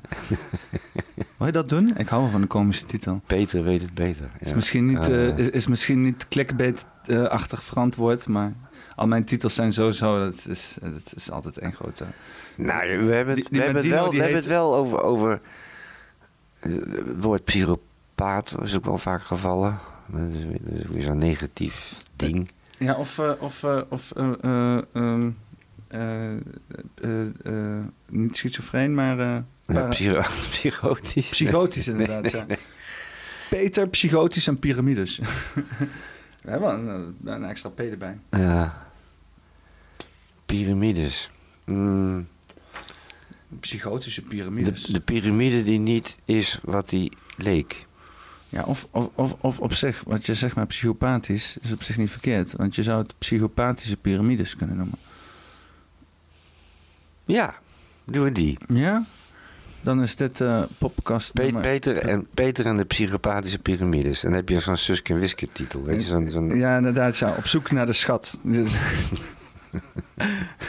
nee, ik denk dat ik de Peters er gewoon eh, buiten laat. In Ja. ieder geval, ja, het wordt sowieso met Peter tonen. Ik moet natuurlijk wel een beetje die clickbait erin houden. Hè? Mhm. Je bent niet de enige die hier reclame aan het maken is. Mag. ik, ik noem het... Pluggen mag, begint ook met een P. eh, eh, Amy van Stom noemt het co-creatie. hè? Dus, is toch hartstikke mooi? Het is het ook. Ja, Het is, we hebben samen een verhaal gemaakt. samen, samen maken we er iets van. Ja, en ja, wij hadden nog, dat, hè, zo kun je ook weer afsluiten, nog drie uur kunnen lullen. Maar dat, eh, het is leuk geweest, denk ik. Ja, we kunnen altijd nog eens een keer een vervolg hier aan maken. Dus eh Ja, ja. dus moet een keer langskomen op de Utrechtse Heuvelrug als we een camping organiseren. Oh ja, dat ga je dat, dat, eh, dat doe je af en toe, toch? Ja, ik ga het over twee maanden weer doen als het allemaal goed gaat in elk geval. Dus, dus dan gaan maar we doe een je beetje rond Halloween in een beetje occult jasje gooien. En dan zo. doe je ook eh, podcast daar? Livestreams of zo? Ja, of ja. Ja? Ja, dat is, dan neem ik deze hele zooi mee daarheen. Het staat Wow. nog wel een beetje tegen, maar afijn. Ik moet dat nog optimaliseren. op Nee, een maar dat kan, je, je, kan toch een simplistische versie doen? Misschien, misschien. Je, met een laptop en een, mic, en een mic en een camera kom je al heel eind. Ja, ja. ja, ik loop al snel tegen allerlei dingen aan, maar eh, dat, is- dat, dat valt wel. Ik, ik denk dat Ik me heb één keer een interview bij mij thuis gehad, een paar jaar terug. En er zou een, team, er zou een cameraman, een geluidsman komen en dan kwam de interviewer. Maar die interviewer had alleen, die had een laptop bij me, er ging iets mis. Dus ik zat met die interviewers met die laptop. Hebben ter plekke live, gewoon met die laptop en de camera en de microfoon. Hebben een uur lang interview gedaan op, op YouTube. Ja. Die is duizenden keren bekeken. Dus het, het- weet je, je moet vooral zorgen dat het geluid goed is. Ja, dat is, nou ja, ik had dus met, met die vorige camping had ik dus, eh, de aflevering opgenomen. En dan heb ik dus vijf man tegelijk, ik en vier man op de bank. En dan vervolgens nog allemaal publiek die daar gewoon rondliep. Dan moest ik daar proberen iets fatsoenlijk van te maken live, zeg maar. Dus Ja. dat, dat zat nog wel vol met uitdagingen. Maar het creëert wel leuke dingen uiteindelijk als je, als je een beetje, ook een beetje struggles hebt, zeg maar. Als je, ja, als je het sfeertje kan overbrengen. Ehm, ja. Eh, Ja. Ik bedoel, eh, ja. Zullen we maar gewoon een eind aan breien, hè? ja. is goed, Peter. Peter en Peter die het ook soms niet beter weten. Nee, maar ja, eh, ik, vo- ik vond het nog steeds leuk wat je zei. eh, wat was het nou? Het kan niet Peter. Dat wordt een spooktitel. Ja, Maar, Peter wordt het niet. Nou ja, Peter wordt het niet. Dat was het, ja. Psychopathische piramides, poppenkast nummer 82 met Peter Tonen.